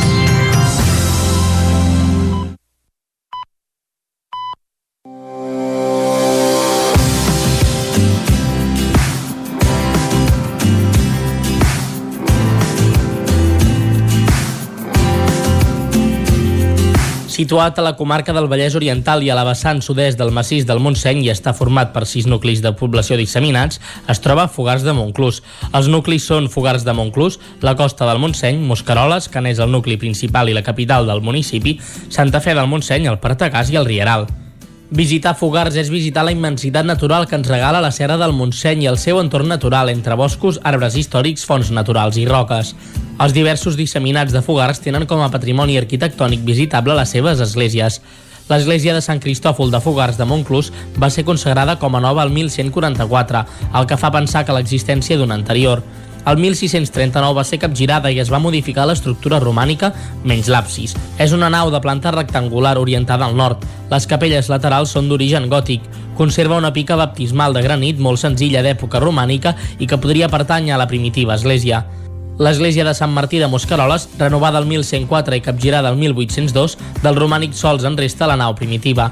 Amb el temps s'hi van consagrar els altars de Santa Margarida, de Santa Maria, de la Verge del Roser i un altre altar de Sant Isidre. És de destacar la seva orfebreria. L'església de Sant Esteve de la Costa del Montseny, la més antiga del terme, consta d'una nau rectangular amb un absis i dos absidioles, la de mitjorn canviada al fer i la sagristia. Hi ha quatre capelles laterals amb alguna arqueria gòtica.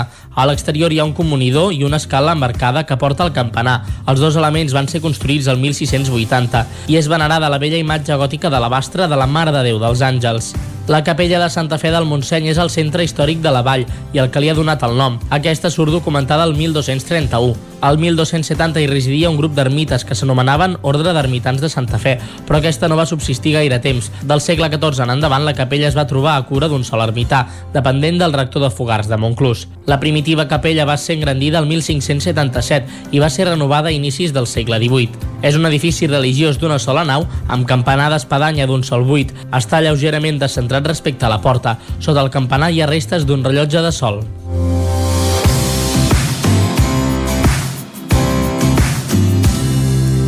Territori 17. Doncs avui que el Descobrim Catalunya hem anat cap a la falda del Montseny per la, bar, per la part ballesana, diguem-ne, eh, Vicenç? Ah, exactament. Mm -hmm. Un lloc doncs, que també té molts i molts atractius. Correcte. El que no té per això és tren.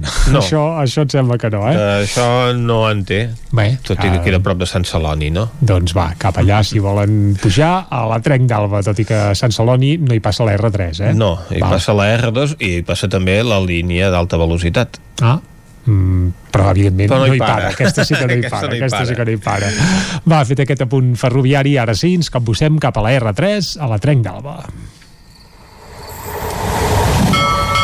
A Trenc d'Alba, edició pandèmia.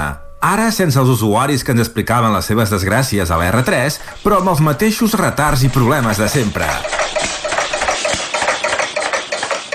Benvinguts a Tren d'Alba. Avui us explicaré quins van ser els mitjans de transports més lents de la primera cursa de transports del Vallès Oriental entre la Garriga i Granollers. En penúltima posició va arribar el transport més vell de la història de la humanitat, anar a peu, que és el més net, però no és gens àgil ni pràctic en aquestes distàncies. Això sí, només va tardar 5 minuts més que el cotxe, uns 39 minuts. I l'última posició va ser per l'autobús, per la seva poca freqüència. Com és urbà i interurbà, fa que no sigui un mitjà àgil. Tot i això, entenen que sí que és proper i arribar als barris o equipaments importants, com ara l'hospital. Doncs bé, demà us passaré la classificació completa on veurem qui són els líders dels transports. Va, ens retrobem demà amb més històries del tren i de la R3. Territori 17. Doncs vinga, l'Isaac Muntades, que cada dia ens n'explica alguna relacionada amb la R3 i amb el món ferroviari, on evidentment no s'acabarien mai els entrebancs, perquè sempre passen coses a la R3.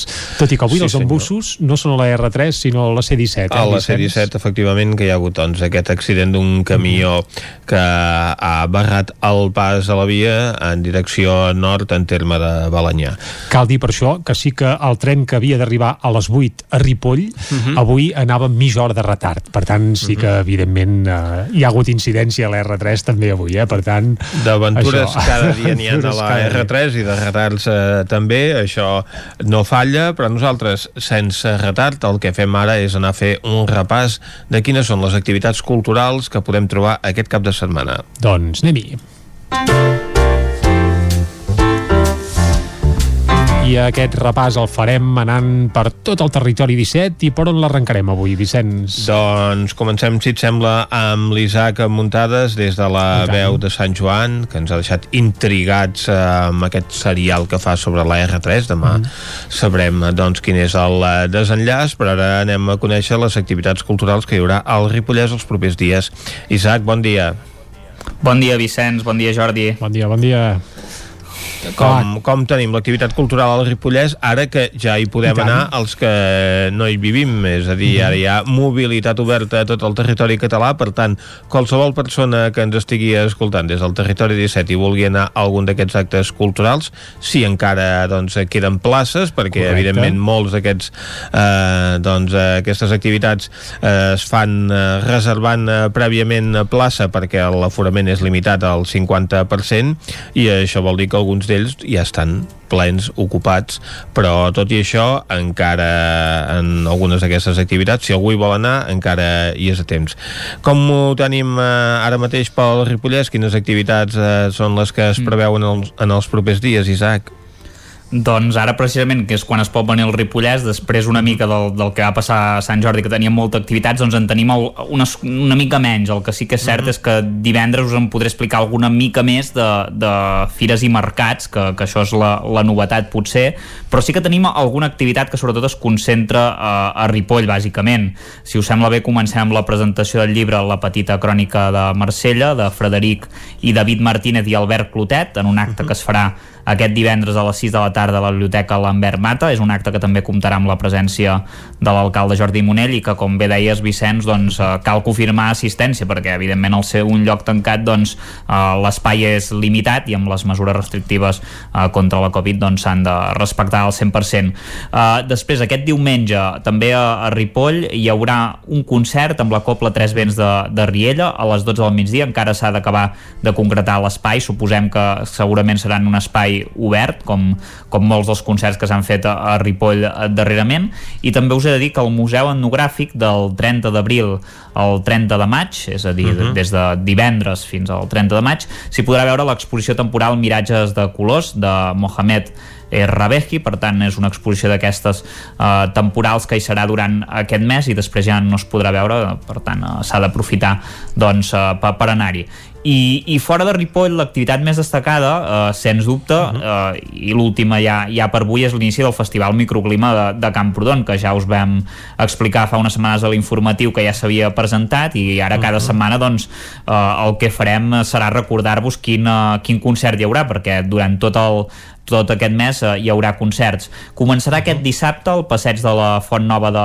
del municipi, eh, de Camprodon. Recordem que és un, un festival que també té una particularitat, que és una mica itinerant entre els diferents nuclis eh, urbans de, de la vall de Camprodon. També hi ha concerts, per exemple, a Baget i Roca Bruna. Aquest, per encetar, és a Camprodon i eh, serà al passeig de la Font Nova, com us deia, a les 7 de la tarda, amb entrada gratuïta i reserva prèvia, i hi haurà Pau Lobo i Laia Llach que en aquest cas són uh, dos cantants, normalment n'hi haurà un, en, en aquest cas en, en són dos, cal dir que Lobo és el cantant de la senyora Tomassa, que és un grup clàssic que ha viatjat per tota Europa i que ha tocat des de ritmes llatins fins a música electrònica i que en principi aviat publicarà el seu primer disc, mentre que Laia Llach doncs, és una cantant molt més jove que s'ha donat a conèixer últimament i va sortint el darrer eh, disc de Cesc Freixes interpretant una peça. Per tant, doncs comença aquest festival Microclima, ja us dic, hi haurà un concert cada setmana fins al 29 de maig, si no estic equivocat, per tant, eh, tenim eh, teca teca uh -huh. musical, en aquest cas. Doncs ho anirem seguint cada setmana quin és el concert que ens proposa aquest festival Microclima.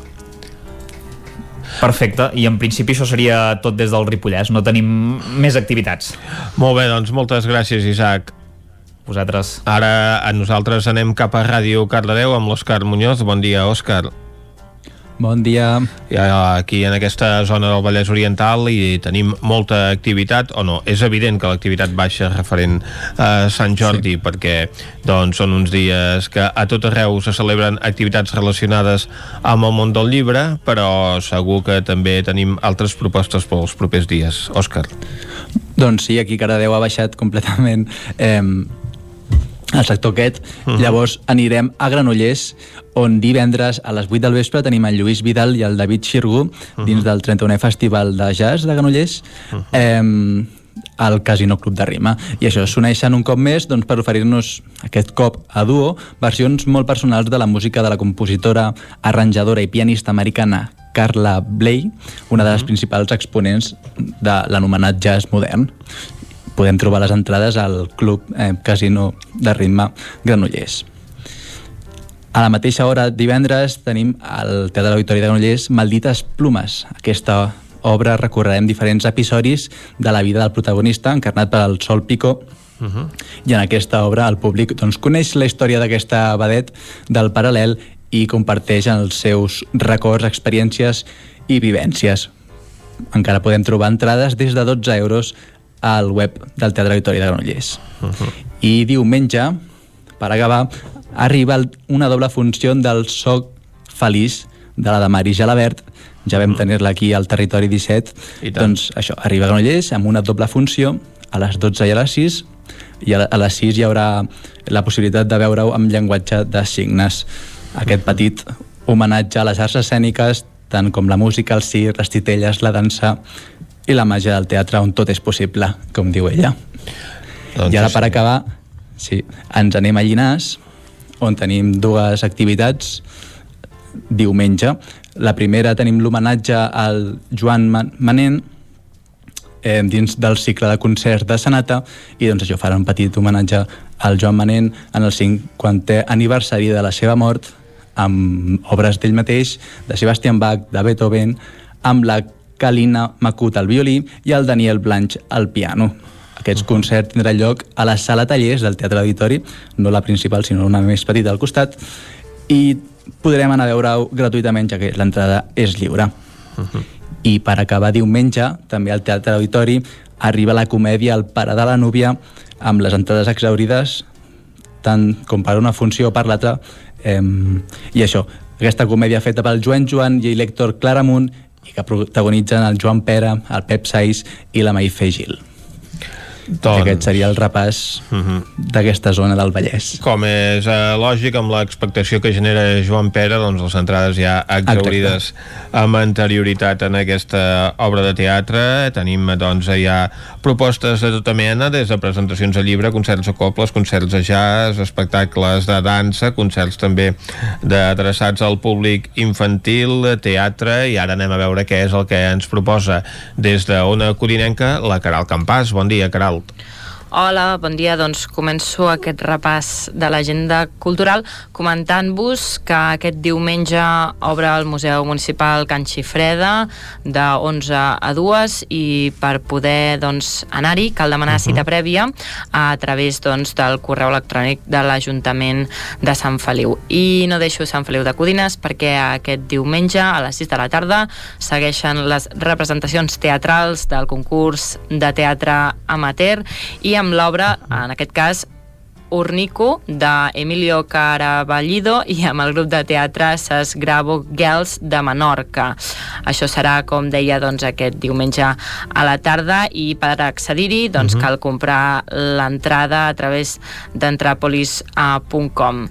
I deixo Sant Feliu i me'n vaig cap a Caldes de Montbui eh, i és que en principi aquest divendres hi ha programada una actuació musical de Ramon Soler, el calderí Ramon Soler, autor de la música de l'Escaldàrium, també periodista eh, del 9-9 edició Vallès Oriental i també músic, doncs ens porta una actuació Caldes is Hell amb la seva guitarra i cançons dels seus uh, CDs. Això serà a les 6 de la tarda aquest dia 30 de maig al Parc de Can Rius. Uh -huh. I me'n vaig cap al Moianès eh, i és que aquest divendres a Moià, a dos quarts de vuit de la tarda a la biblioteca hi ha una xerrada amb l'artista Antonio García Iglesias sobre la seva trajectòria artística i la seva obra. Eh, és una xerrada que s'oferirà tant en format presencial com virtual i l'organitza el Cercle Artístic del Moianès i acabo l'agenda cultural amb, no de, sense deixar el Moianès i amb dues propostes musicals. Uh -huh. um, Magalí Sare i Sebastià Gris ens porten una actuació de jazz a l'Auditori Sant Josep de Mollà. Això serà aquest dissabte 1 de maig a les 6 de la tarda. Uh, és un espectacle doncs, gratuït eh, i tocaran temes clàssics i cançons populars mallorquines. I a Monistrol de Calders aquest dia 1 de maig també hi ha un concert de 2 per 4 de la coral a capella a dos quarts de 6 de la tarda. Eh, això serà a la plaça de l'Escorxador de Monistrol de Calders i en acabat hi haurà un berenar amb coca i xocolata Molt bé, doncs en prenem nota, sobretot del berenar. Moltes gràcies, Caralt. a vosaltres Nosaltres ara eh, anem a parlar amb en Jordi Vilarrodà perquè ens faci un recull de les activitats culturals que hi ha programades a Osona. Jordi, bon dia. Hola, molt bon dia. Doncs tenim un cap de setmana atapeït també d'activitats, com ho era l'anterior. Déu-n'hi-do, Sí. Déu-n'hi-do les coses que tenim, Déu-n'hi-do, no fluixa eh, la intensitat de, de l'activitat cultural. Hem entrat en un moment ja de dinàmica. I per començar ja aniríem aquest mateix dijous, o sigui, parlaríem de demà a l'Atlàntida, que a través de l'espectacle de la sala 4, perdó, d'aquesta sala que ofereix espectacles amb connexió a streaming, eh, és a dir, que no hi pot assistir el públic en directe, Eh, hi ha la companyia Low Cost, eh, aquesta companyia de teatre còmic, que en aquest cas, doncs, eh, la, els actors que, que hi són són en Xavi Font i en Lluís Bové, presentant un espectacle que es diu eh, Show i, i que és una creació nova, és un espectacle nou que fa aquesta companyia low cost. Uh -huh. Això serà a dos quarts de nou del vespre, però només, com dèiem, en connexió en streaming. Però després uh venen les coses en directe, i en directe n'hi ha unes quantes de coses.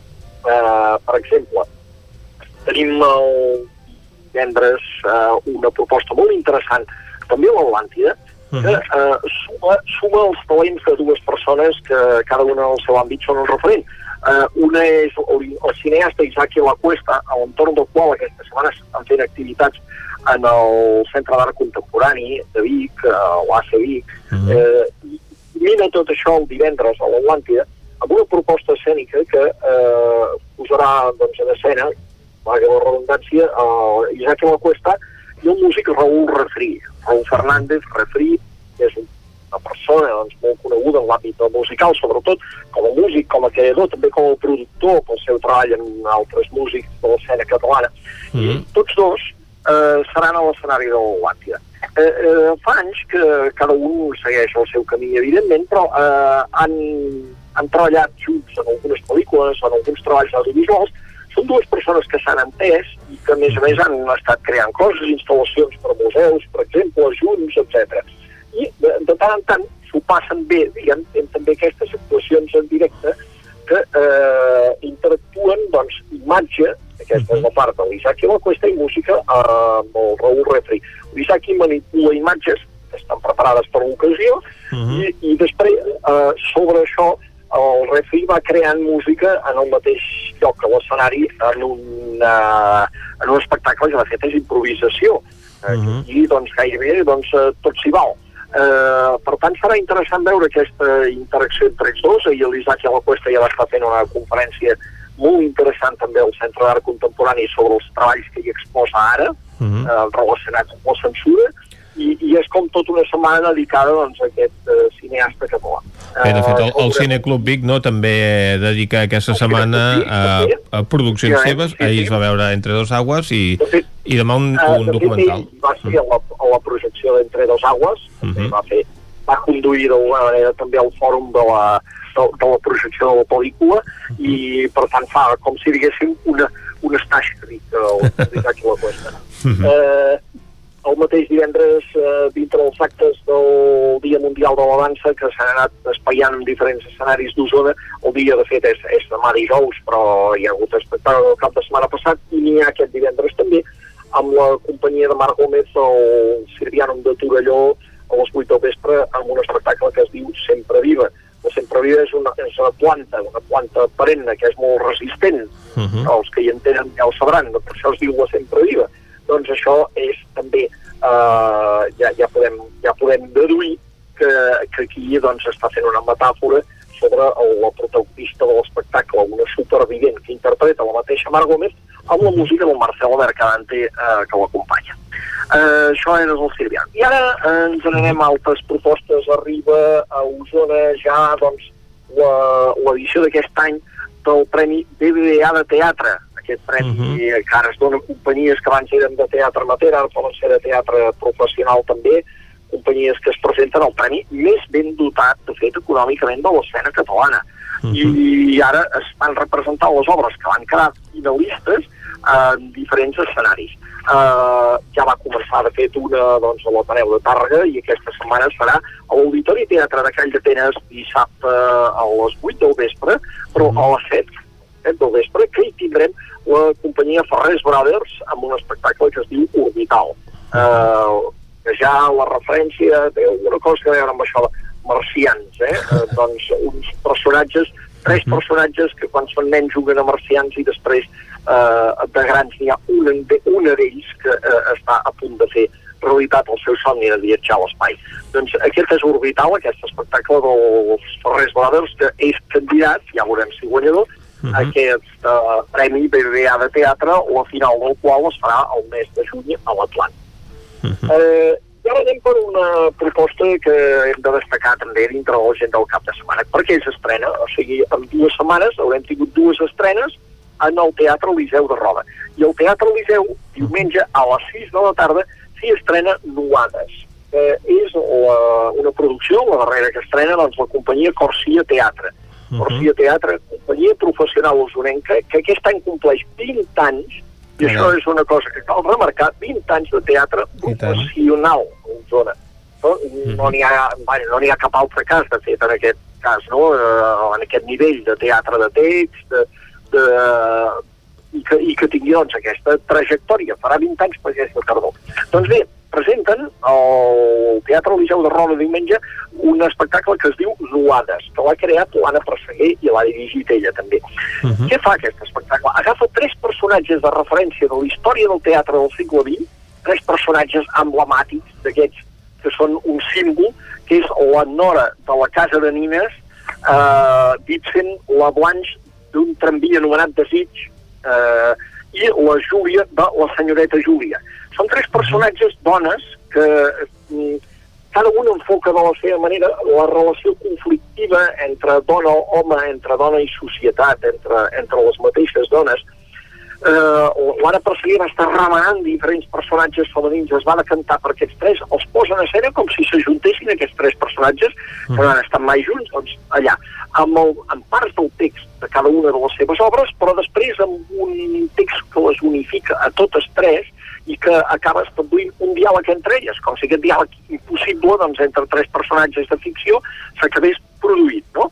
Uh -huh. I, I amb un personatge masculí que també intervé, perquè, és clar, la conflictivitat amb el personatge masculí l'ha d'interpretar algú també, que és en Jordi Arqués, que fa paper amb totes tres, diguem. Uh -huh. I, i, I aquesta és la proposta que presenta amb aquest títol de Nuades, el grup, la companyia de Corsia Teatre amb voluntat de que giri, de que tingui trajectòria i qui en vulgui tenir la primícia, encara hi ha algunes entrades per veure-ho i eh, serà doncs, en el magnífic Teatre Liceu de Roda. Dic algunes entrades perquè el Teatre Liceu està funcionant només al 30% de la capacitat ni tan sols els 50, per tant són Caram. entre 90 i 100 espectadors que hi uh -huh. caben i que per tant això s'esgota de seguida com van poder comprovar la setmana passada amb l'espectacle que hi van estrenar amb Pep Poblet i en Peixent. Uh -huh. eh, o sigui, ocasió per veure aquesta companyia. El mateix diumenge, i això s'haurà de triar, però eh, a l'Atlàntida hi tenim la companyia Pantino el Gat amb un espectacle per públic familiar que es diu Vers per on, Vers per on ja estava estrenat de la mà de poemes de Núria Freixa, manyolenca, manyolenca, doncs uh -huh han creat aquest espectacle que convida tota la família doncs, a gaudir d'un viatge que uneix la música i la poesia. Eh, Pantina el Gat també és una companyia de prou trajectòria aquí a Osona en l'àmbit dels espectacles familiars. I eh, per últim ens n'anem a Balanyà, al uh -huh. poble del qual eh, saps alguna cosa, eh, uh -huh. que, que tanca aquest cicle que es diu Balanyà en escena, cicle de teatre per públic adult doncs, que s'ha apropat a terme les quatre últimes setmanes i el tanca aquest diumenge a l'Ateneu a les 6 de la tarda amb la projecció de la dona il·legal que és aquesta pel·lícula que ha dirigit el Ramon Termens i que ha protagonitzat la Yolanda Sey, que serà allà per fer Loki també i per parlar d'aquesta pel·lícula. Diumenge a l'Ateneu, que no cal dir que també és petitet, sí. i per tant també cal anar amb cura amb el tema de les entrades perquè ens podem quedar Tam També està ple. aquesta, també està ple. Aquest és sí, el panorama que tenim el cap de setmana, bàsicament doncs, en aquest cap de setmana que torna a ser bastant intens. Doncs Ramon eh, Termens i Yolanda Sey, director i protagonista d'aquesta pel·lícula, La dona il·legal, que es podrà veure eh, aquest diumenge a la tarda a l'Ateneu de Balanyà. Però com bé dius, Vicenç, si no, ha, si no tenim entrada no. no cal que hi fem cap perquè ja està tot ple, eh? Ah, exactament. Bé, això no passa amb un parell de, de punts que direm ara just abans d'acabar perquè aquí, com que en teoria és a l'aire lliure, uh -huh. eh, també hi ha foraments limitats, però vaja, dos concertets. Ara s'ha posat de moda, ja ho saps, eh? això dels vermuts eh, musicals, sí, sí. Eh, evidentment ho celebrem i això sí, sempre estan a expenses del temps, eh? I com que últimament fa un ruixat cada dia, clar, si tenim uh -huh. ruixat, doncs el concert se suspèn s'empeny o s'ajorna. Però cada dissabte al Manlleuet de Manlleu, aquell bar que hi ha a la, bé, a la vessant sud de la plaça Fra Bernadí, a dos quarts d'una del migdia doncs fan això, vermuts musicals. I aquest dissabte uh -huh. hi actuen els Left Siders, una formació de pop-rock que es dedica a fer versions sobretot dels anys 90 i sobretot anglosaxones, doncs bé, uh -huh. eh, és una bona manera d'anar-se a distreure, doncs anant a fer el vermut a la plaça Fra Bernadí del Manlleu i amenitzat eh, aquest vermut en versions de pop-rock. És una proposta que podem fer a Manlleu, però encara n'hi ha una altra a Manlleu. I és que hi ha una jove formació usonenca que es diu Geluc, Geluc així G-E-L-U-C, per tant, uh -huh. tal com sona, Geluc. Si no els coneixeu, eh, traieu el cap a internet, perquè tenen uns quants vídeos penjats al YouTube i la veritat és que fan molt bona pinta. D'aquesta banda ens sentirem a parlar. Per cert, trauran el seu primer disc eh, de cara al mes de setembre, però mentrestant, per anar fent boca, els podeu eh, escoltar en directe, també aquest eh, cap de setmana, concretament també a Manlleu, és que tot passa a Manlleu últimament, eh, sobretot en l'àmbit musical. En aquest cas actuaran a la colònia Rossinyol el diumenge en el marc d'unes visites guiades que s'hi fan, que són visites que inclouen eh, visita guiada a la colònia Rossinyol, uh -huh. inclouen també vermut, per tant, fantàstic, i a més a més, música en viu, amb el Geluc, en aquest cas en format acústic. Per tant, això és un trio eh, meravella gairebé, eh? Uh, visita guiada, música i a més a més un vermut. I recordem que la cultura és segura, com acaba de demostrar aquesta prova que es va fer al Palau Sant Jordi amb el concert de Love of Lesbian. Correcte, ahir van presentar els resultats i resulta de que dels prop de les prop de 5.000 persones que hi van acudir, només s'han detectat 6 eh, infectats per coronavirus, dels quals 4 resulta que el van agafar posteriorment, és a dir, que no el van agafar durant el concert, sinó que es van infectar fora del Palau Sant Jordi, i dos, no és que, se, que l'agafessin allà, sinó que no se sap. Que és a dir, dos uh, de dubtosos, però vaja, de 5.000 dos és un percentatge que no el trobes ni al carrer gairebé. No, eh? no exacte. Uh -huh. Doncs un uh, gran uh, resultat el d'aquesta prova en un recinte tancat per conèixer l'abast de la possibilitat de contagiar-se en un acte cultural. I ara que tenim clar que la cultura és segura, el que també tenim clar és que el territori de 17 d'avui uh, s'acaba, eh?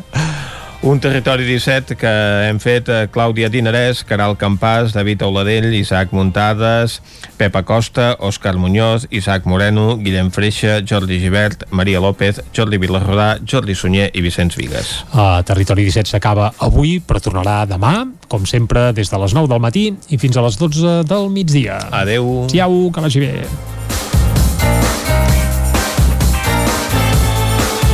Territori 17 un magazín del nou FM. La veu de Sant Joan. Ona Codinenca. I Ràdio Cardedeu amb el suport de la xarxa. El nou FM